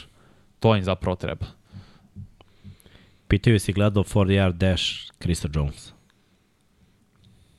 Koga piti, sve nas ili mene? Tebe, pitanje za Vanju. Nisam gledao. Kad je to bilo? Kad je izašao na draft beš? 2013. Je, je to na draft, na, to je na za kom? draft ili ovako? Pitanje za Krista Dikeja. Jonesa, defanzivnog tekla? Da,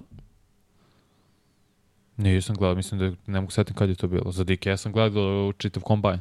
ne, ne, nego on je DK, momak koji pita. A, a on je. U, to je osoba koja pita. Nisam, nisam što bac, bacit ću pogled na YouTube. Da vidimo, da Nisam vidimo. Da toliko vidimo tad da. pratio intenzivno NFL. Da baš gledam kombajn sa 16-17 godina. Ali se borimo ove godine da i prenosimo kombajn. Sa kojom ekipom koja nije ove godine bila u play-offu, Bill Belichick ima najviše šanse za Super Bowl u naredne dve godine? Baš teško pitanje. Lugonjiću. Koja nije bila u play-offu. Pa, S New Englandom. ne, ne, ne. Ne, Pa, ne Bill može da sačeka samo ono, razvoj situacije, A koga ali bi Super najviše Bowl je volio jako da... teška priča, nema to. Jeli, a koga bi, koga bi najviše volili da preuzme? Da, Vi- volao bi da je preuzeo Dallas. Dobro. No, to i nije nemoguće. Ali Super Bowl za Dallas ako preuzme isto, nije realno u dve godine. Nije, nema Bill, Mislim, ono, nema biste takav, da vidite? Chicago nema Bears. takav sistem. Znaš. I to, je, to su ekipe koje će se otvoriti sledeće godine. Krah Chicago, Ibraflus, ćao. Dallas, McCarthy, ćao. Sve ekipe uh, na jugu, On je uh, odlučio Bulls, Tampa, ćao. On je odlučio da iskulira ovu godinu. Pa nije on Nije, odlučio da iskulira, on je našao teo posao. potpunu kontrolu, kako sam čitao razne izveštaje i nije, jedna ekipa nije bila voljna, sem Atlante, jer je teo donekle njihov vlasnik, eh, kako se zove ispravim ako grešim, da dodaj, ne mogu setiti kako se zove vlasnik Falconsa. Matori. Baš Uh, matori. Arthur, Arthur Smith, ne, nije, nije, Nije Smith, Arthur, Arthur Blank. Blank. On je hteo, ali dosta i, e, ljudi koji su na tim funkcijama, na, koji su ono usko povezani sa GM-om, nisu bili baš za tu ideju da potpunu kontrolu daju Billu. On, Bill nije hteo Commanders jer je bio svestan kakva je situacija, tako da će sačekati. Ali opet i on čeka i Mike Vrabel čeka, to su odlični treneri. I opet, bit će dovoljno otvorenih pozicija samo. Verujem da će se desiti u međusezoni da će nekog od njih dvojice zvati jer neka ekipa će se raspasti. Kojem treneru najviše verujete po odlukama? Zanimljivo pitanje. Ali dobro, to je isto pipovo. Ne, nema, imaš, imaš, imaš trener, Lefler je savršen i dobar coach, ima dobro. Ali Lefler je imao kikseve ima- pre par godina u play-offu kad je išao na tri puta na istu akciju tri, o, protiv Tampe u crvenoj zoni i ideš stalno tri puta Devante Adams i onda kao, ej, pak šutnut ćemo, odbranit ćemo se. Gledaj, to, je, to se neće desiti na zašto, što više nema Aarona Rodgersa. Jer kad imaš playmakera kakav je Devonti, kvotrbeka koji žmureći gađa Devonta u slepočnicu, znaš, ali to, to, moraš da igraš tu akciju. To, to je ono, Easy money. Evo, veruj mi, Andy Reid, ako mora da bira Mahomes za Kelsija ili bilo šta drugo, pre će da izabere ovo. Mislim, i, I on je svestan... Nikola Harmela. To, to k- umesto pa čeka. Ali realno gledano, svaki trener ima te kiksove. Ja verujem dosta Andy Reid. Andy Reid ima vrhunske ofenzivne šeme i to što daje slobodu igračima da učestvuju u kreiranju akcija, to, to je velika stvar. Verujem u Šenehena, dobar je sistem. Šona McVay zapravo veruje. Odustaje od trčanja i on ima svoje mane. Mnogo odustaje od trčanja. Često vidimo utakmice da, da ima ekipa, na primjer, 100 yardi lagano i onda trčanje ne vidimo. Ili nema trčanja uopšte, pa kad krene trčanje 100 yardi. Ove godine, kad imaju running back. Ali bilo je godina kad je samo quarterback, quarterback, quarterback. I on zna, on je odličan ofenzivni um. Svi ti, i Lefler i Shanahan i McVay takođe, su odlični treneri odlični treneri, verujem u sve što zamisle. Svaki od njih ima neku svoju specijalnost. McVay, njegovi skrinovi, način na- koji imate uske zbijene formacije ko- koje dosta znaju da rašire kako koristi hvatače i na svih pojima je mnogo dobrih stvari vidimo od njega. O, od Šenehena isto, to je u, u principu jedan svake godine sličan ofanzivni sistem. Ali mislim da je sad našao konačno ekipu sa kojom može da veruje u trčanje svaki put. Ali njemu fali elitni quarterback. Mm. McVay je našao svog uh, u Staffordu. A Lefler je imao svog u Rodgersu i vidjet ćemo sad što imao Lau, ali složit ćeš se da je ove godine mnogo bolje bio play calling kada je Lav malo kliknuo, kada Ja se sa, sa mlađim igračima, kada nema ono isforsirano gađe njega, sa ovim playbookom Packersi su meni bili opasna ekipa. I gle, sledeće godine će biti opasni. To- To su dobri treneri. Im, ima još dobrih trenera koji imaju svoje sisteme. Kevin Uh, O- Kevin O- O'Connell radi je. dobar posao. Veruje u trčanje, ali ove godine nije imao beka. Mene zanima da li će se to promeniti, jer ako ostaviš sa Kazinsa sa pritiskom da baca 40 puta, neće to biti dobro za tvoju ekipu. Bez obzira što imaš brda dobrih hvatača, ali opet dobro je zvao akcije. Nemam problem s tim. Stefanski je dobro zvao akcije, opet nije imao. Imao je fleka četvrtog quarterback. Moglo je da bude bolje. Mislim, opet to su sve igra, uh, treneri koji vode jedan deo ekipe. Napad ili odbranu. Bili je odbranu zvao cijele godine vrh, situaciono vrhunski. Mm. Talenat je bio loš. Ali ti kad pogledaš situacije i pozvane akcije, to i dalje jako dobro. Čovek zna futbol. Mnoge dobre napade je ugasio ove godine. Jer jednostavno situaciono prilazi jako dobro svaku, svakoj utakmici. Uh, u koga ne verujem? Ne verujem u McCarthy ako ima stalno dobru sezonu. Nisam verovao ni u Green Bayu. Jer taj njegov stil je po meni osuđen na propast kada dođe ozbiljan trenutak. Videli smo mnogo puta improvizacije, nema ruta, nego igrači se otvaraju u praznom prostoru, kvotrbeka stavljaš u lošu situaciju, trčanje nije toliko forsirano. A opet imaš 13 pobjeda, na primjer. Sean McDermott, ja ne verujem. Čitave godine. O, Meni je on zaista upit. A Stefanski? Fanski, da, A, rekao, rekao je vrh. Opet gledam, Zach Taylor iz Harbo, godine Harbo je godine coach koji ima ofenzivnog i defenzivnog koordinatora, njega neću da ubacim u priču. Pa ne, on je... On klima glavom i ono, to, to je to. Ne, Zach Potvrđujem. Taylor, iz godine u godinu napreduje. Jeste, ali opet i Zach Taylor ima odustajanje od trčanja. Kada Mixon bi mogao da ima 100 yarde lagano. Upropastio je njegovu individualnu statistiku godinama unazad, mm -hmm. jer se totalno bazirao na dodavanje. I takvim stilom igre možeš da dobiješ neke timove, ali neke i ne možeš. Zato smo videli neki pad, ali da, opet svako ima problem. Ne možeš niko, možeš na nekoj utakmici, ali sezona je puna utakmica. To je za playoff ekipe 20 mečeva, ne, ne bi neke Super Bowl 19, ekipe. 18, da. Ali ne možemo da uzmemo i da kažemo savršeno je zvao cele sezone, nije. Da, ne postoji. Ali možemo da uzmemo jednu utakmicu za svakog od ovih trenera gde su zvali savršeno i neku gde, gde je bilo diskutabilnih odluka.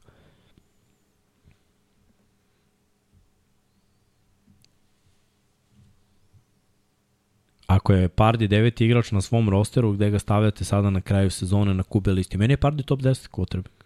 Bez problema.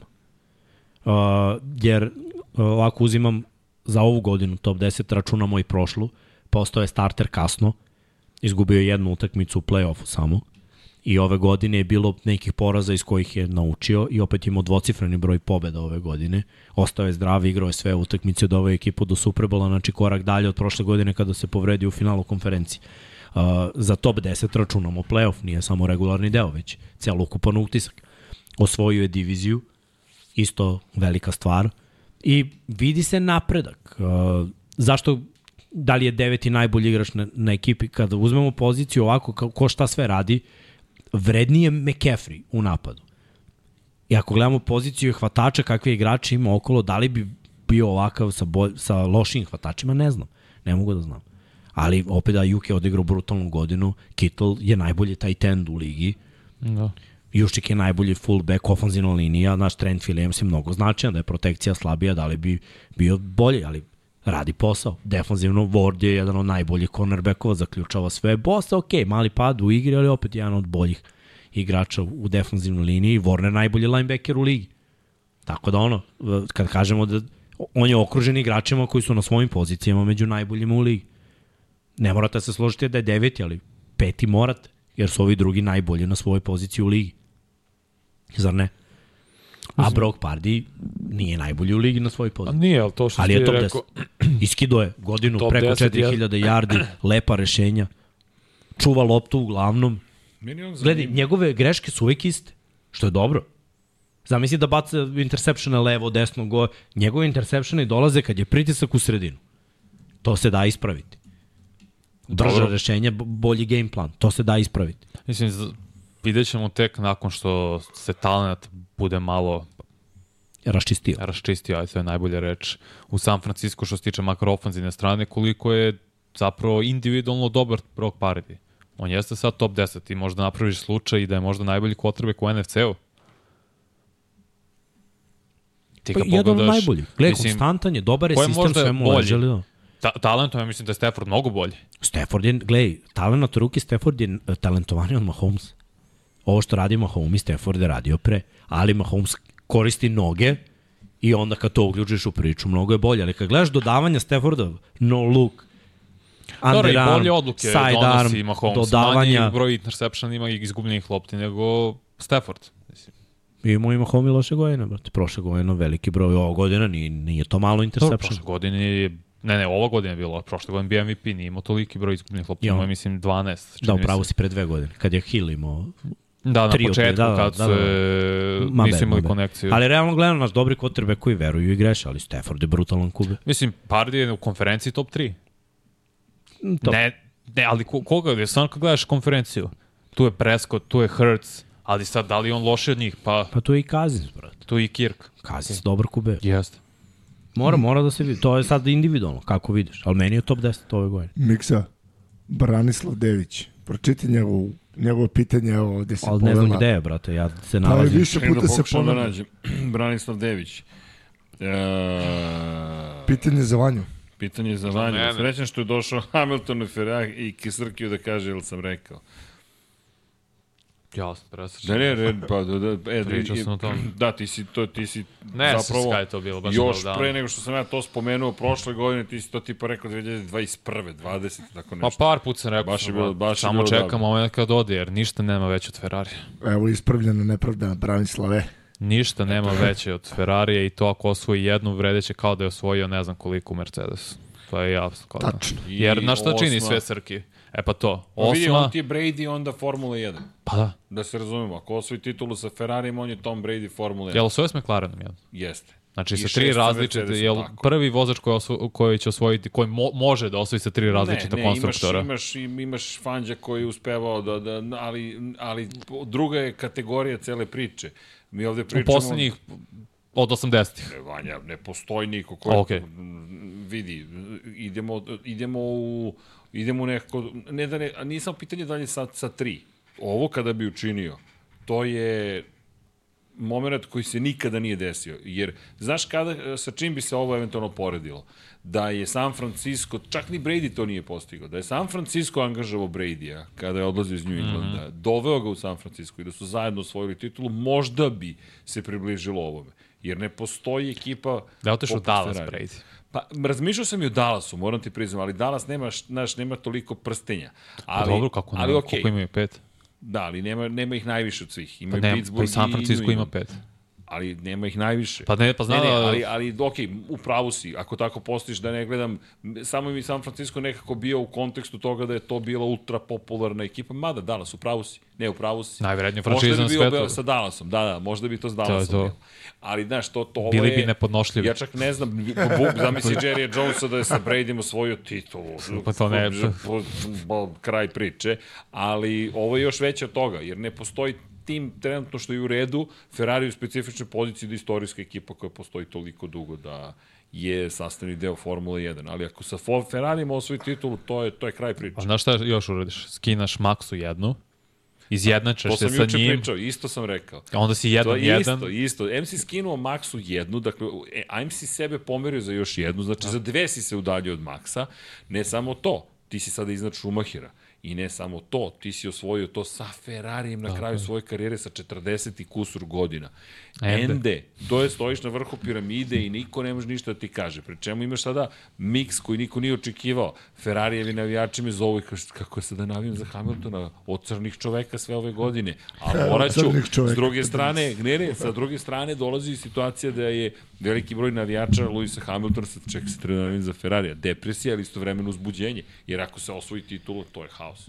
Potpun haos. Nije ma, bit- A mani, ma ne, show me the Pa money videli već smo uh, Srkija pre da. podcasta koliko je deonice, to je vrednost deonica rekli skočila. 7 milijardi samo juče. Ali dobro, to je i kombinacija. Mi smo malo to preveliči, ne treba zaboraviti da i godišnji izveštaj izbacio Ferrari. Tako da je to kombinacija, ali pre svega zahvaljujući Hamiltonovom dolasku. Dobro. Jer je Za- pompa ogromna. Za početak, zadnji levi točak da se nabavi i sve Da, ćemo da, da, lako. dobacuje ovde zadnji levi točak, ali ovo, to je Ima zaista... mikrofon, Ima čuju ga, mikrofon bre. vidi. dobacuje. A, da, da, da, ima mikrofon. Samo ga nema ne u kadru, mikrofon. bre. Da, da, da. Ne, vidi, znaš, čemu je stvar? Što ja, ja zaista i ono što sam rekao prošle godine, transfer Millennium. Ja nikad veći transfer nisam video u sportu, zato što se dešava sa najuspešnijim čovekom u takvom sportu, zato što se dešava sa najuspešnijom ekipom, zato što će da košta 100 miliona godišnje. Da, to sam vidio danas. Da, sve kako smo predvideli prošle godine. I to, ali to je logično. Ako pogledaš, znaš šta mi je A pomoglo? LeBron u Lakers-e Ne, ne, pa Šta? vidi, okej, ali i uze prsten, bro. znam, ali, ali vidi, nije, nije,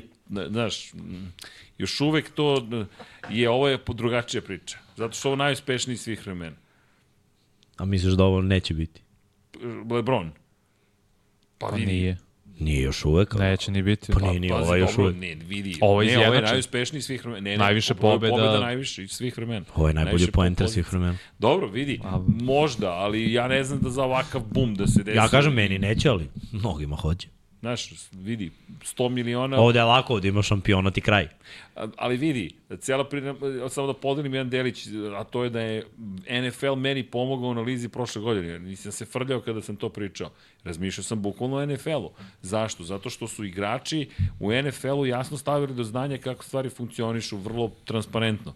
Dak, koji preko koliko godina insistira da dobije, ne znam, 35-40 miliona, da se svi kažem, čekaj, gde ćeš to, 35-40. Sad je to, ej, zaboravljeno zaboravljeno, što inflacija, što i onda stalno povećaš. I onda mi je bilo logično da ako Hamilton mora da dođe, to mora da bude skandalozno vesi, vidio sve kako suma novca, koja mora da ima tri cifre. Jer to je, to, to, to je igra isto kao, e, znaš, kao nešto košta 900 dinara, aj košta 1000, čisto se promeni cifre. Tako ti je ovo, samo što su malo veći brojevi u pitanju. Ali da, eto, da odgovorimo na to. You see the police. Warner Brother. Dvorna, A, Ima šta ću Boško. ja s njima, Srki, nemaju majice korporativne. Evo mi ga Dux. Evo mi ga Dux, da znaš, ispod stola, ali kao, tu mi je. Šta je ovo? ali iza lopte. Bilo je na glavi, brate. Moja na glavi. Što ne otvorite prozor ovde? Upalimo Obuci klimu. duks, brate. Si si skinuo tu da ja moram skinem kapu. Srki je uvek u majici kraj. Kako? Ti si uvek u. Pa, naravno, Uvek, pa uvek, poštuj se, molim vas. Ne, ne, ne, nego generalno si u majici kratki. Uvijek sam u majici kratkih rukava. Iskreno, ja ovu kapu ne skidam od novembra, brate. Pa, i tako je. Kida kapicu. Ljubavi, Kapica. Ta manje, ono, nije previše toplo kad Ne, si ne, sve napolje. kako treba, sve kako treba. Da li vidite Bengalsi kao jednu od ekipa koja sledeće sezone u play-offu može da dobije Chiefs? Uvek. Uz naravno zdravog Barova i bolju odbranu. Pa jedini su oni pobedili uz Toma Brady-a. Znaš da Nisu Tom... oni, nisu oni pobedili, oni su pobeđivali. Izgubili su jednom, Ja rekao sam u play-offu da su jedini pobedili, jednom su ih dobili u play-offu. Ali nema rešenja za Joe. Dobro. Joe ima nešto, ima veći faktor od Mahomija za svoju ekipu. Nekako svi veruju da je On taj. On Pit- taj, da. pitaj tebe, Ima nešto oko njega isto to. dobro, više je rock and roll nego Mahomes. Više je taj. On je Joe no. Cool. John je Joe I njega Cool. ne vidiš kao Mahome, znaš, on, Mahome je ubica, meni je on najbolji kube, ali često ga vidiš, neko mi pipno, gdje je? Joe je on. Sad ćete vidjeti. Ima nešto, bad boy, znaš. Zato ga iz, izlome i povrede. To je Ima i toga. Zato dve sezone nije Ali on malo završio. papirniji od Mahomija. Ja, zbo bolje da se žali, Kako onda se više. žalio Mahomi, čekaj, kad A, se trenira on. Šta? Ono trenira. Ne, ne, već. svaka čast. I osvojio još dva jarda preko toga. Da, da. Ali zato je Mahome čabi. Jeste, ali dead bad najjače. I ima, brate, kao naš ovaj četvrti na tabeli. Vanja, pitam te ja, pitam te ovdje ljudi, pošto pratiš college futbol, kakav je novi DC Packers? Pa ne znam, teško je za defensivnog koordinatora i da prelazi generalno sa koleđa na NFL. Ofanzivno su veoma približne slične situacije, a defensivno će biti malo izazovnije. Zanima mi kako će biti isto Jesse Minter za Chargerse, koji će biti sad DC, a bio je sve vreme sa, Johnom, sa Jimom Harbom, pre toga bio kod Johna. Tako da on ima malo NFL iskustva, ali što se tiče Packersa, mislim da će uraditi svako bolji posao nego što je bio, nego što je radio Joe Barry. Jer imaju sigurno. dosta Ja talenta nadam, i u front sevenu, secondary je sad malo upitniji, mora će plate safety ili da draftuju novo, verujem da će predraftovati i šta je, koja je situacija sa Jairom Alexanderom, tako da zavisi od drafta, treba cornerback da se draftuje i u secondary još jedan safety, tako da toga ćemo vidjeti, ali mislim da će biti značajno bolji. Opet, nova, novi glas, novo lice u slačionici je uvek neko bolja stvar za ekipu koja je prosto ono, bilo je dosta da sluša jednog te istog čoveka koliko je Joe Barry DC 3 4 sezone. Ja mislim četiri. Tako da da, biće to mnogo bolje za Packers. Ja, da, nismo rekli da je Kingsbury novi OC Raidersa i Kellen da. Moore OC Philadelphia. Rekli smo za To jesmo. Da, Dobro. prošle nedelje. Da je Fangio DC, a Moore Ne, OC. ali, ali za Kingsbury nismo, a dobro, možda čovjek nije za glavnog trenera, ali ono, dobar je ofanzivni um, mislim. Ima on dobre zamisli, samo još od svojih dana u Majamiju videlo se da i posle teku Texas, uh, Texas je te, Texas A&M da, da je malo pa i u Arizoni u stvari, da ne zna drži bre ekipu pod kontrolom, da je lik lagan. Ono što je Johnny Manziel prolačio se kod njega, to je samo primer da lik nije za glavnog trenera, ali glavni trener handluje to, a ti handluješ samo pozivanje akcija i to može da bude bolje. Dobro, vidjet ćemo ko će biti egzekutor tih akcija. To je Mhm. zapravo najveći problem za Raiders, pozicija quarterbacka. Mislim, znaš da je Tom Brady je prvi igrač, je to je njih, timovi Toma Brady su prvi kog su, koji, od kojih je Mahomes izgubio u regularnoj sezoni, play-offu i u Superbowlu. Pa dobro, mogli su da igraju u Super Bowlu, da. Tampa. Tad je prvi bio poraz Da, da. Mahomes u Superbowlu. Gle, nisu, ne, nisu nepobedivi, samo moraš da budeš uh, vrhunski spremljen tim da, da bi rešio.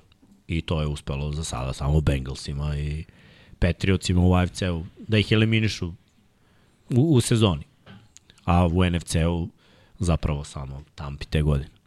I to isključivo na defanzivu. Uh, da vidimo dalje, da vidimo dalje, da vidimo dalje. Još jedno pitanje i, i rastajemo se. Rastajemo se mi.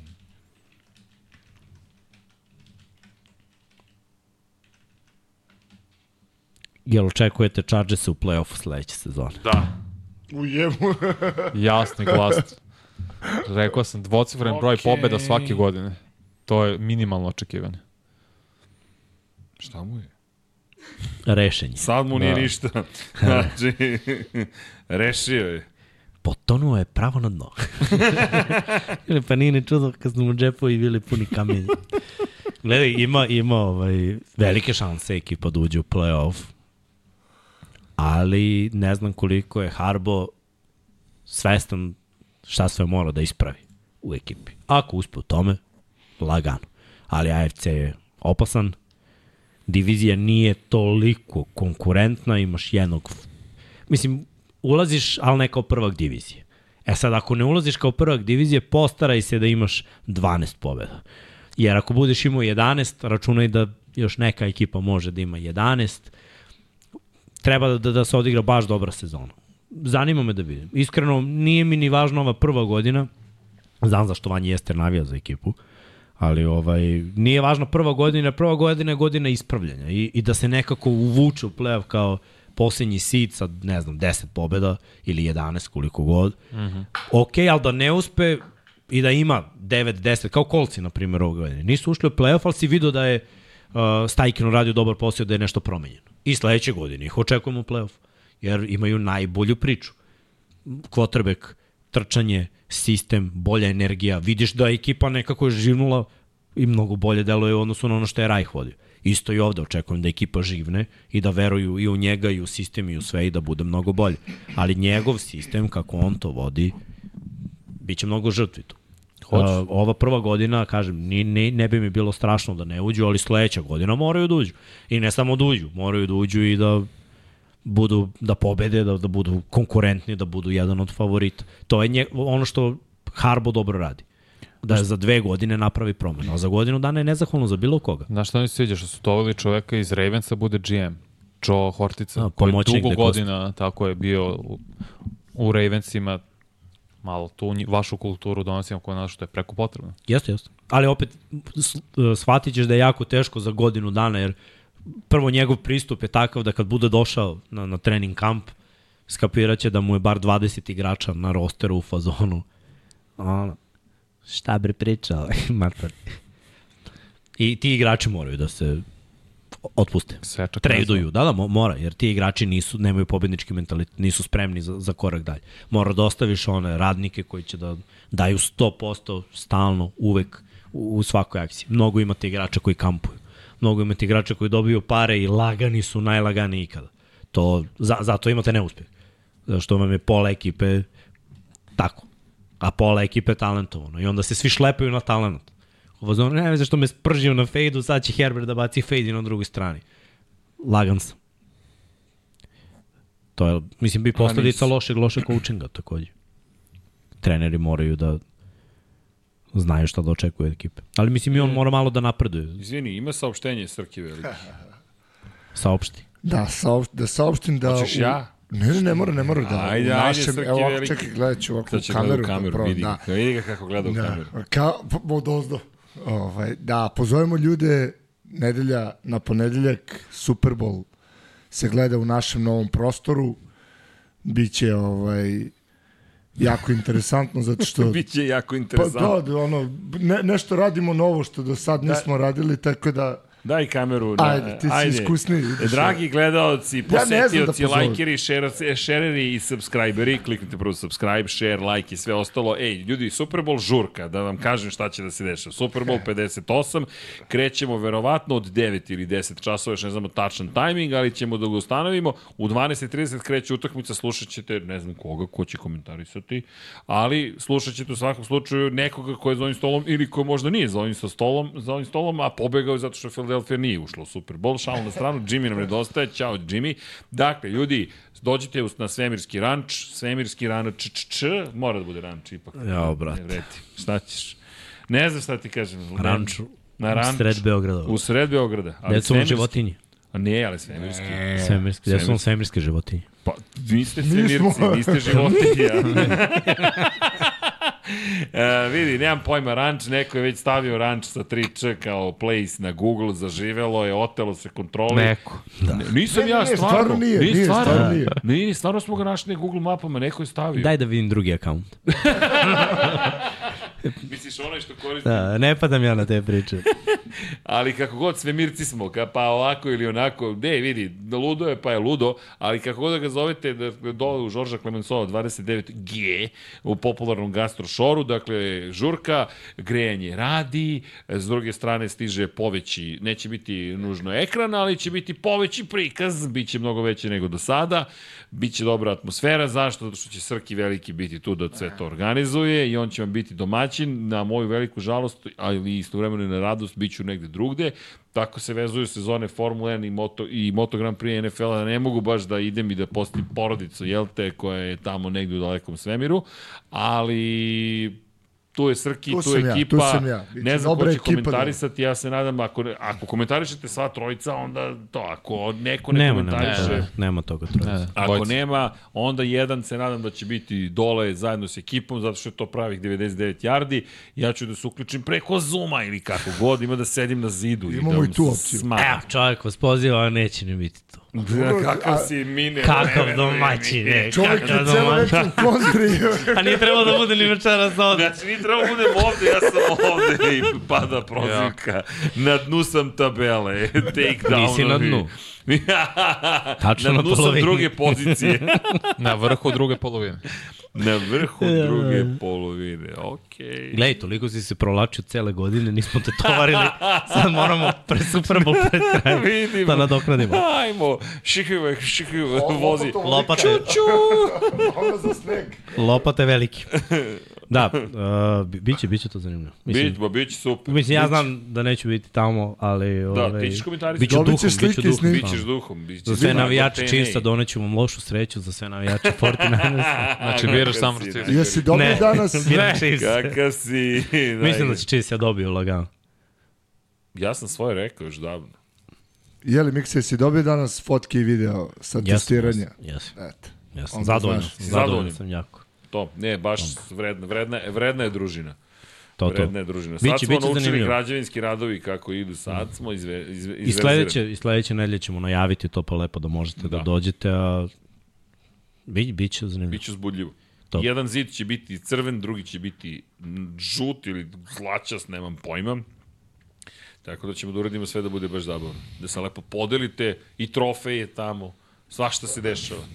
Neki trofej, što Da, da, sad, to pa, ekipa. Replika. Ne, ne, ne, evo, evo, vidiš, ej, vidiš. Dojke u evo, kontri celo veče. A ti si spomenuo, da ti nisi spomenuo, ne bih rekao Jeste, ništa. Vanja, ja, ja ti to Ne, on se ne, bi verujem. digne ali upi ko što si zakucao, brate. Nije bio ali To je jače od mene, brate.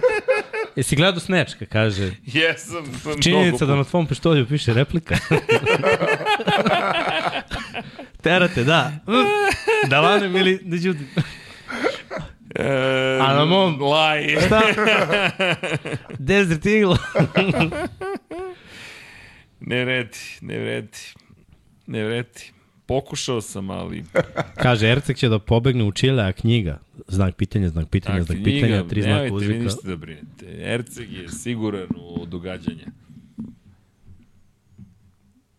Ajde. Jel nešto nisam do sada ispunio? Ljudi, možda kasne neke stvari, ali pobeći neću.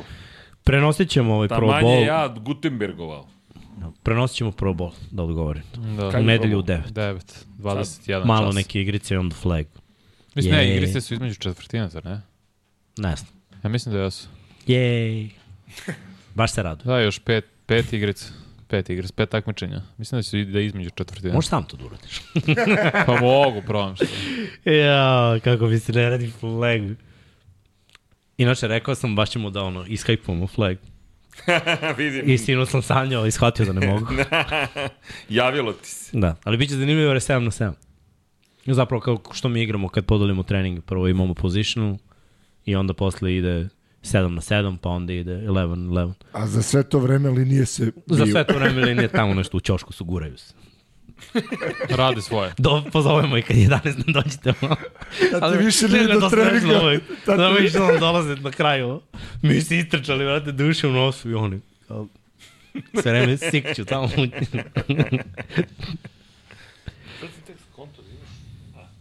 Šta? Ranac zapravo. Da. Torbicu. Gledam šta je to novi dizajn, novi dizajn, šta se dešava. Ne, Dobro su ove stolice, vidi, oni izdržavaju već 400, Pa kako, koja? 500 godina. Kako koja, a? E, ova steel dre, steel dre stolica. Popravljene. Popravi. Došao sam za jedan na jedan i za malo da me namestiš. Ja, sad, sad Da, ja. da, da, čovjek je u kontri celo večer. Ne Vodi, vredi. Ja sam namestio tu stolicu To za njega. Ovde je deki. Deki, Deki za malo, da. Namestio, ne, ja sam namestio Dekiju zapravo, ali si ti spasu da. Dekija. Ko je Ne, ne, smestio sebe. Prvo rodio? sebe.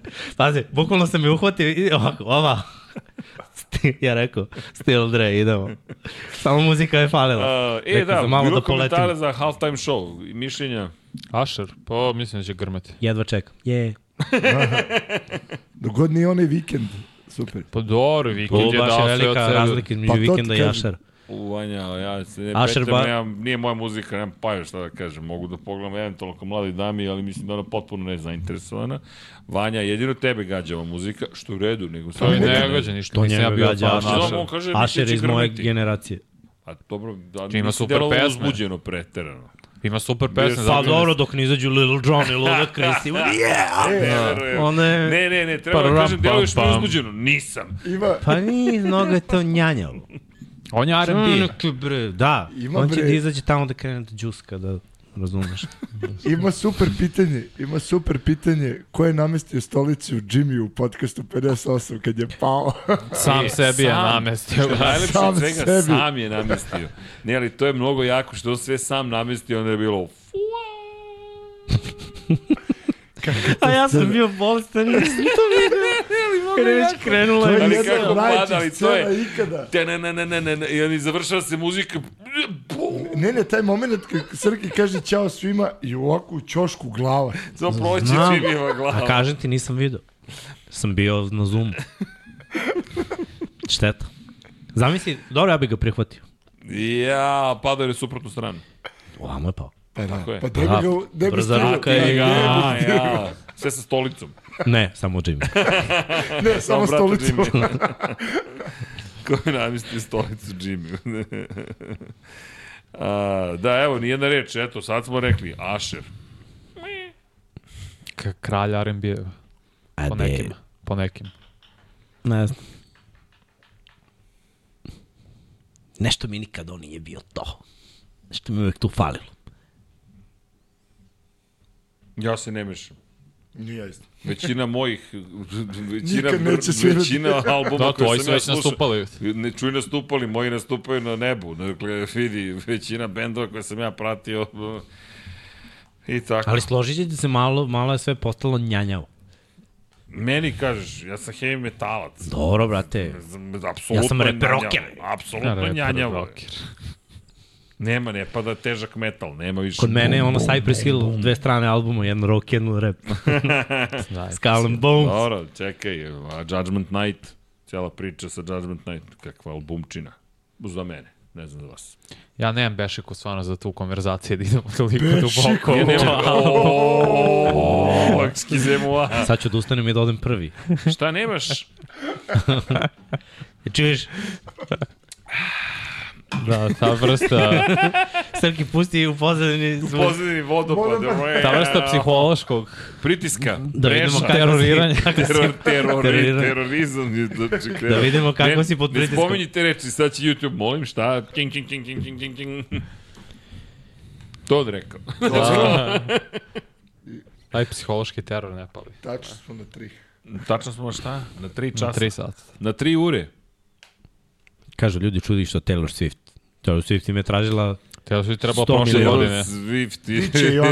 objasnila im je, vidi. Pa je. Sva- 100 miliona. I vidiš da je njena muzička kuća završila saradnju sa TikTokom. Ne znam. Zato što je TikTok rekao, plaćamo kao i za sve ostale, a oni su rekli... Vaš. Nema, nema moje muzike. I onda, i onda se Vidiš, otužili. taj argument je jako dobar. To treba da sad... Eto šale, kao, nećeš biti na TikToku. Okej. Sad ću, pitajte me nešto. Pitajte mi, ok, neće Spremio biti. A onda se novi za ne znam kakvu pregovaračku taktiku. E, Da. Dobro. Šta da znam? vidimo. Ma to je to. Šta Dosta kažete, ljudima, šta... šta- kažemo na NFL romansu? Lju, svaka ljubav je lepa. Ali vidiš, dosta već 350 ljudi u live. E, ne znam koliko ima a, 350. a, lajkova, ne mogu da ti pomoći po tom pitanju. 186. Dobro, ajde. Je na prošlo pola, da, da, A jeste, da ne reaguje jeste, ovde. ali ono, jedva, jedva. jedva baš. Ne, ne, miksina škola uh, YouTube-a. Svega. Sve. Sve mora preko 50%. Ja, dobro. Miksa 50%. Pazi ovo, Jason Kelsey i Taylor Swift zajedno. Pff, kakav nastup. Ali bez majice Jason Kelsey. Dobro, izbacio album. Zašto se nisi za ravnopravnost? Kako nisu? Pa, a razumeš šta ti kažeš?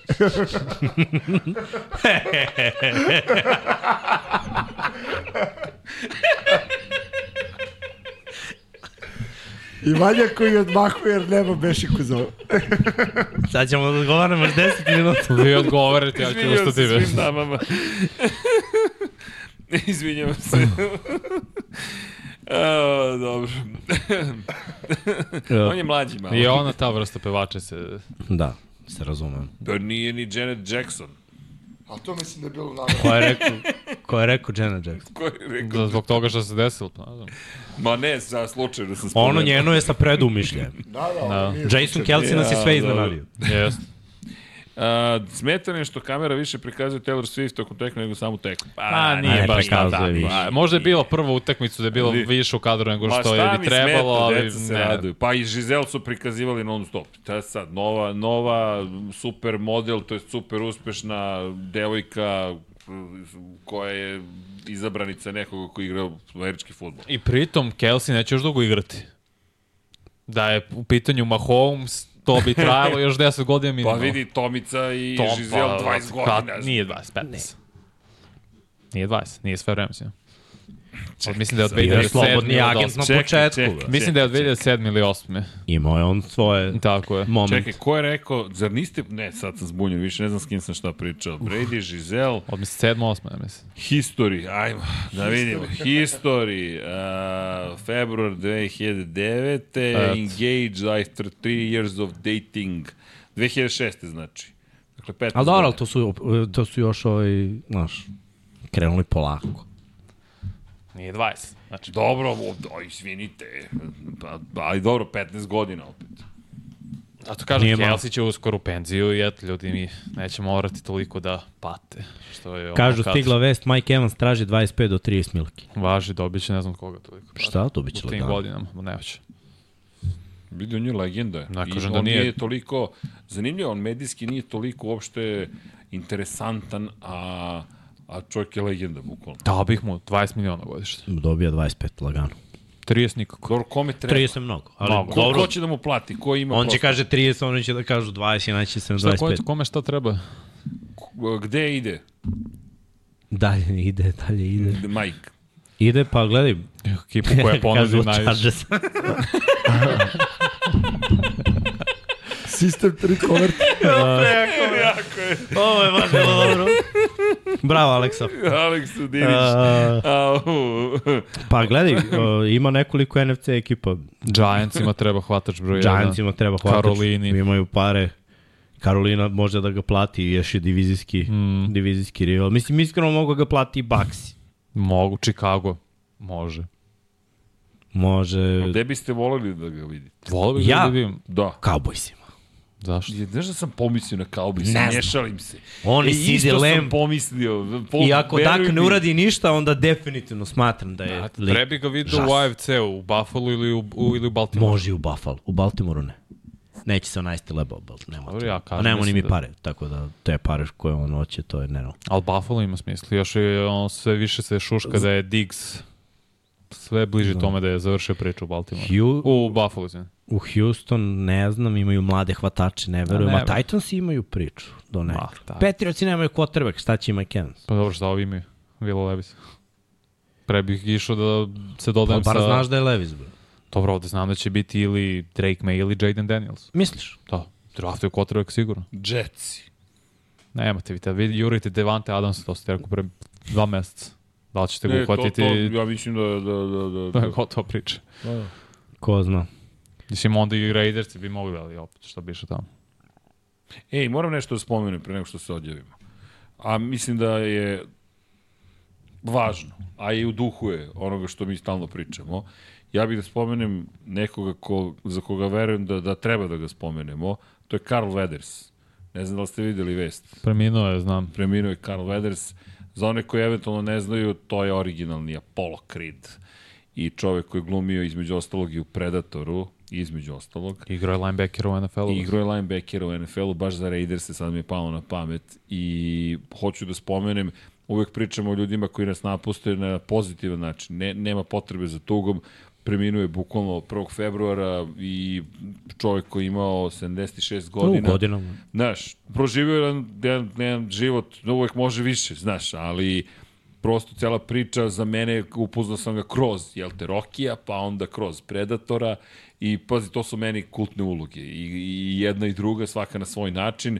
Dylan, what's the matter? CIA gave you too many pencils to push i onda imaš, pa ne, vidi taj ceo film kako snima, svi su bili na, na testosteronu, otprilike snimanje gde sva, se, se trkali ko će prvi u teretanu da uđe. Bukvalno, u četiri ujutru su te u teretani čisto da pokažu onim drugim da više vežbaju od ostalih. Jesse Ventura glumi između ostalog u filmu potpuno jedan lud film, za mene kultni Predator, naravno prvi deo, mada i drugi meni isto neviđen, pocenjen krajnje, ali Carl Weathers, eto, prosto nije više sa nama, pa mislim da je red da, zap, da, da ga se setimo i da nije bio u NFL-u, bih volio da ga spomenemo, a i bio u NFL-u i nekako, Ubica. prosto, da, baš, Jedno od najlepših građa meni. da, baš je bio. Baš je bio, dobro, što ti reče, bilo je to malo testosterona, ali. Nema veze, lik je bio ubic. Lik je bio ubic. vidi, a stvarno kad pogledaš i Rocky, kad pogledaš i U Predator, tepa taj ga drago. U tepa. da pitamo gde je bio gde, gdaj- gde je 1. februara bio Dolph Lundgren? A, crni humor, ali zaista treba zapamtiti pozitivno. Ko Lagani nije gledao Dolph. Predatora ili, ili jedan Rocky, Rocky dobio, Stallone dobio i Oscar za, predat, za Predatora, nije, Da, za gotovo. Rocky. Gotovo, kraj, ja? Witching hour, Bešika- prošlo je. Prošlo je. E, Bešikaniranje, ali dobro. Dobro, sad imamo Creed. Jeste. Ovako odvojeno. Ništa, ajde da se pozdravljamo. Ćao.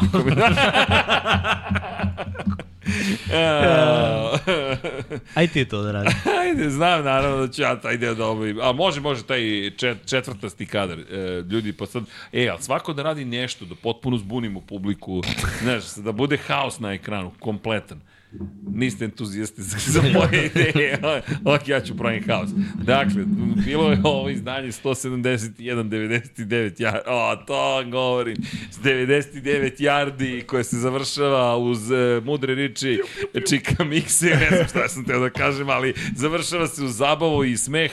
Podsjećamo se i Kala Vedresa. Mazite se i pazite se. Vozite računa jedni u drugima. Budite dobri, uživajte u životu. Kliknite like, filozofija 51%, je li tako? A wow, sledeće nedelje najavljamo Super Bowl, ovoga puta smo prošli finala po konferencijama, a potom imamo žurku od ne znam koliko časova koja će početi u nedelju 11. ćemo, javit ćemo. februara, završit će se ujutro, u ranim časovima 12. februara od 12.30 ne, e, nedelje na ponedeljak e, na svemirskom ranču, kako smo čečeče odlučili da se zove, sve će se dešavati. Ljudi, volimo vas, mazite se, pazite se, hvala svim donatorima, patronima, članovima na YouTube-u, budite sa nama patron.com, kroz Infinity shop.infinity i naravno, mazite se, pazite se, i 1, 2, 3, 8, 5. Ćao, Ćao svima! svima! Svima.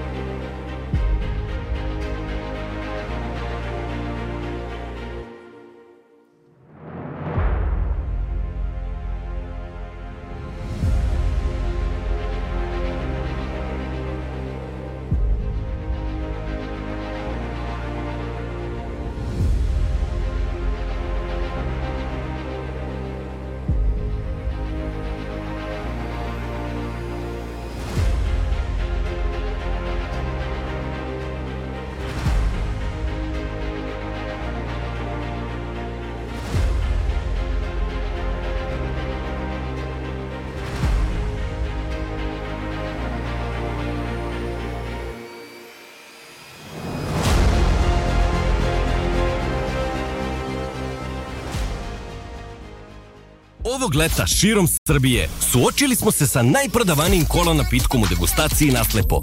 Više od 20.000 učesnika pridružilo se Pepsi izazovu. Pitali smo koji kola ukus vam se više dopada. 57% učesnika izabralo je Pepsi ukus. Hvala na učešću. Prati svoj ukus.